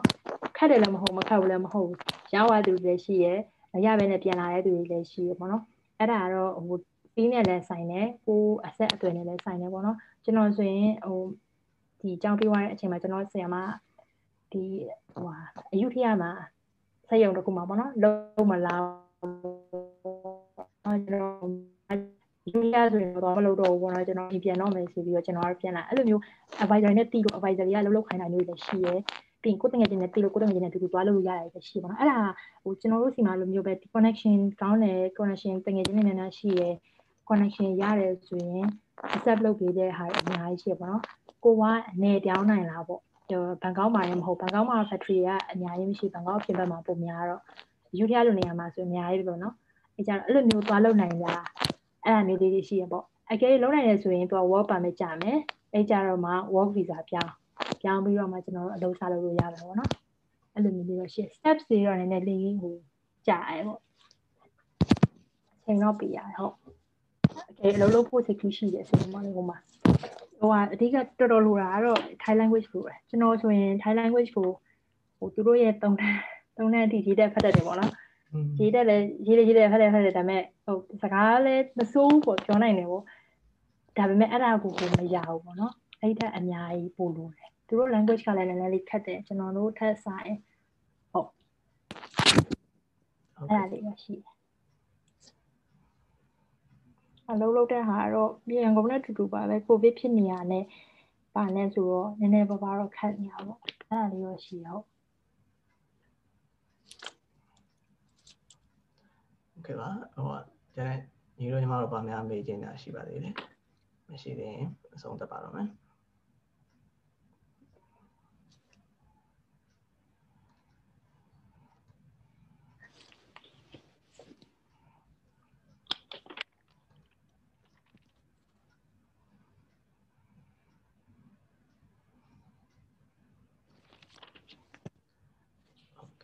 အဲဆိုတော့မေးစရာမရှိတော့ထင်တယ်နော်ဟိုကအဲမမေ့တော့ဗာများပြောချင်တာရှိသေးတယ်အာမရှိတော့ဘူးမအနေနဲ့อืมโอเคပါအဲဆိုရင်အဲဆိုရင်ဟိုဒီနေ့ webinar ပြောပေးတဲ့ညီမစုစုကျေးဇူးတင်ပါတယ်ဟုတ်ကဲ့အခုတို့ဒီဒီနေ့ပြောသွားတဲ့ webinar တွေကိုပြန်နားထောင်နေတယ်ဆိုရင်အခု podcast မှာနားထောင်လို့ရပါတယ် EHS မြန်မာ podcast ပေါ့နော် အဲ့ဒါမနှမ်းဖြန်လောက်ဆိုရင်ပြန်နားထောင်လို့ရပါတယ်ဆွေးနွေးထားတာတွေကျန်တဲ့မတက်ဖြစ်တဲ့လူတွေကိုယ်တကယ်ချင်းတွေ share ခြင်းနဲ့ share လို့ရပါတယ်ဟုတ်ကဲ့ပါအညီမဆုစုဗာများပြောခြင်းလည်းနောက်ဆုံးအမ်လက်ကြည့်ပါလို့ထိုင်းရ University လည်းကောင်းပါတယ်လို့တခြား privilege တွေလည်းအများကြီးရှိပါတယ်လို့ဘာဆိုဆိုရင်တော့အာထိုင်းမှာမဟုတ်ဘူးတော့ကျန်တဲ့နေရာတွေတွားကြပါလို့အမှန်တမ်းပြောရရင်ဟိုလိုပြောတာတော့မဟုတ်ဘူးပေါ့နော်ဒီမှာ ရှိနေရတဲ့ဆိုင် opportunity ကဟိုမှာသူကပို့ပေးရတော့ environmental နဲ့ပတ်သက်တဲ့ဟာတွေဆိုကျွန်တော်တို့ရန်ကုန်မှာအလုံးလို့ပါတော့ရှာရှားရဆိုတာရှားရလို့လည်းမဟုတ်ဘူး server ဘိုင်းမှာဝယ်လို့လို့ရတယ် environmental တည်တံ့တော့မရှိဘူးပေါ့ဒါပေမဲ့တခြားနိုင်ငံမှာဆိုရင်တော့ environmental engineering အနေနဲ့တက်တက်ခံတာအများကြီးရှိရပေါ့နော်အဲ့လိုမျိုးတွေမှာ opportunity ရအောင်လုပ်လို့ကြပါလို့အကြောင်းတွေလည်းအများကြီးတက်နိုင်ကြပါစေလို့ဟုတ်ပါကျေးဇူးတင်ပါတယ် ဟိုကြောင်းလျှောက်ချင်တာပဲဖြစ်ဖြစ်ပေါ့နော်တခုခုနဲ့ပတ်သက်ပြီးသိချင်တာရှိရဆိုရင်အမတို့ဒီ EHS ရဲ့ဒီပေါ့နော် message box မှာလာပြီးတော့မေးလို့ရတာပေါ့နော်ဆိုတော့ဟိုပေါ့အကိုရေးဒီဟာလေးရောဒီလိုလေးလျှောက်ချင်လို့အဆင်ပြေနိုင်လောက်လားပေါ့နော်ဆိုတော့အမတို့ဟိုပေါ့အားတဲ့အချိန်လေးအမတို့ပြန်ဖြေပေးရလေးရှိရပေါ့နော်ဆိုတော့ကျောင်းနဲ့ပတ်သက်တာမျိုးပေါ့နော် academic နဲ့ပတ်သက်တာမျိုးဖြစ်ဖြစ်အဲ့လိုသိချင်တာရှိရဆိုရင်အမတို့ဟို message box ကနေပြီးတော့ဆက်သွယ်လို့ရတယ်လို့နော်ကဲပါအာဟုတ်အဲဆိုရင်ဒီနေ့တက်ရောက်လာတဲ့ဒီညီမအားလုံးကိုကျေးဇူးတင်ပါတယ် အခုနောက်ပိုင်းမှာလည်းဒီလိုတက္ကသိုလ်တွေနဲ့ပတ်သက်ပြီးတော့ဗောနော် webinar knowledge sharing webinar လေးလုပ်ဖို့ရှိပါတယ်စိတ်ဝင်စားတယ်ဆိုလည်း join လို့ရပါတယ်အားလုံးပဲအဆင်ပြေကြပါစေ stay safe ပါကျေးဇူးပါ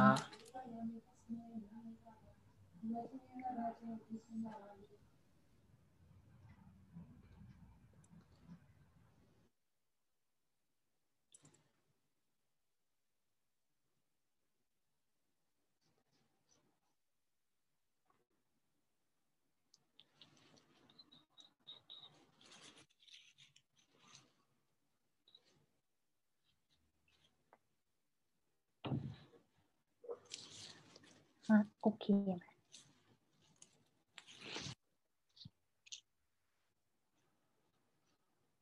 那够便宜嘛。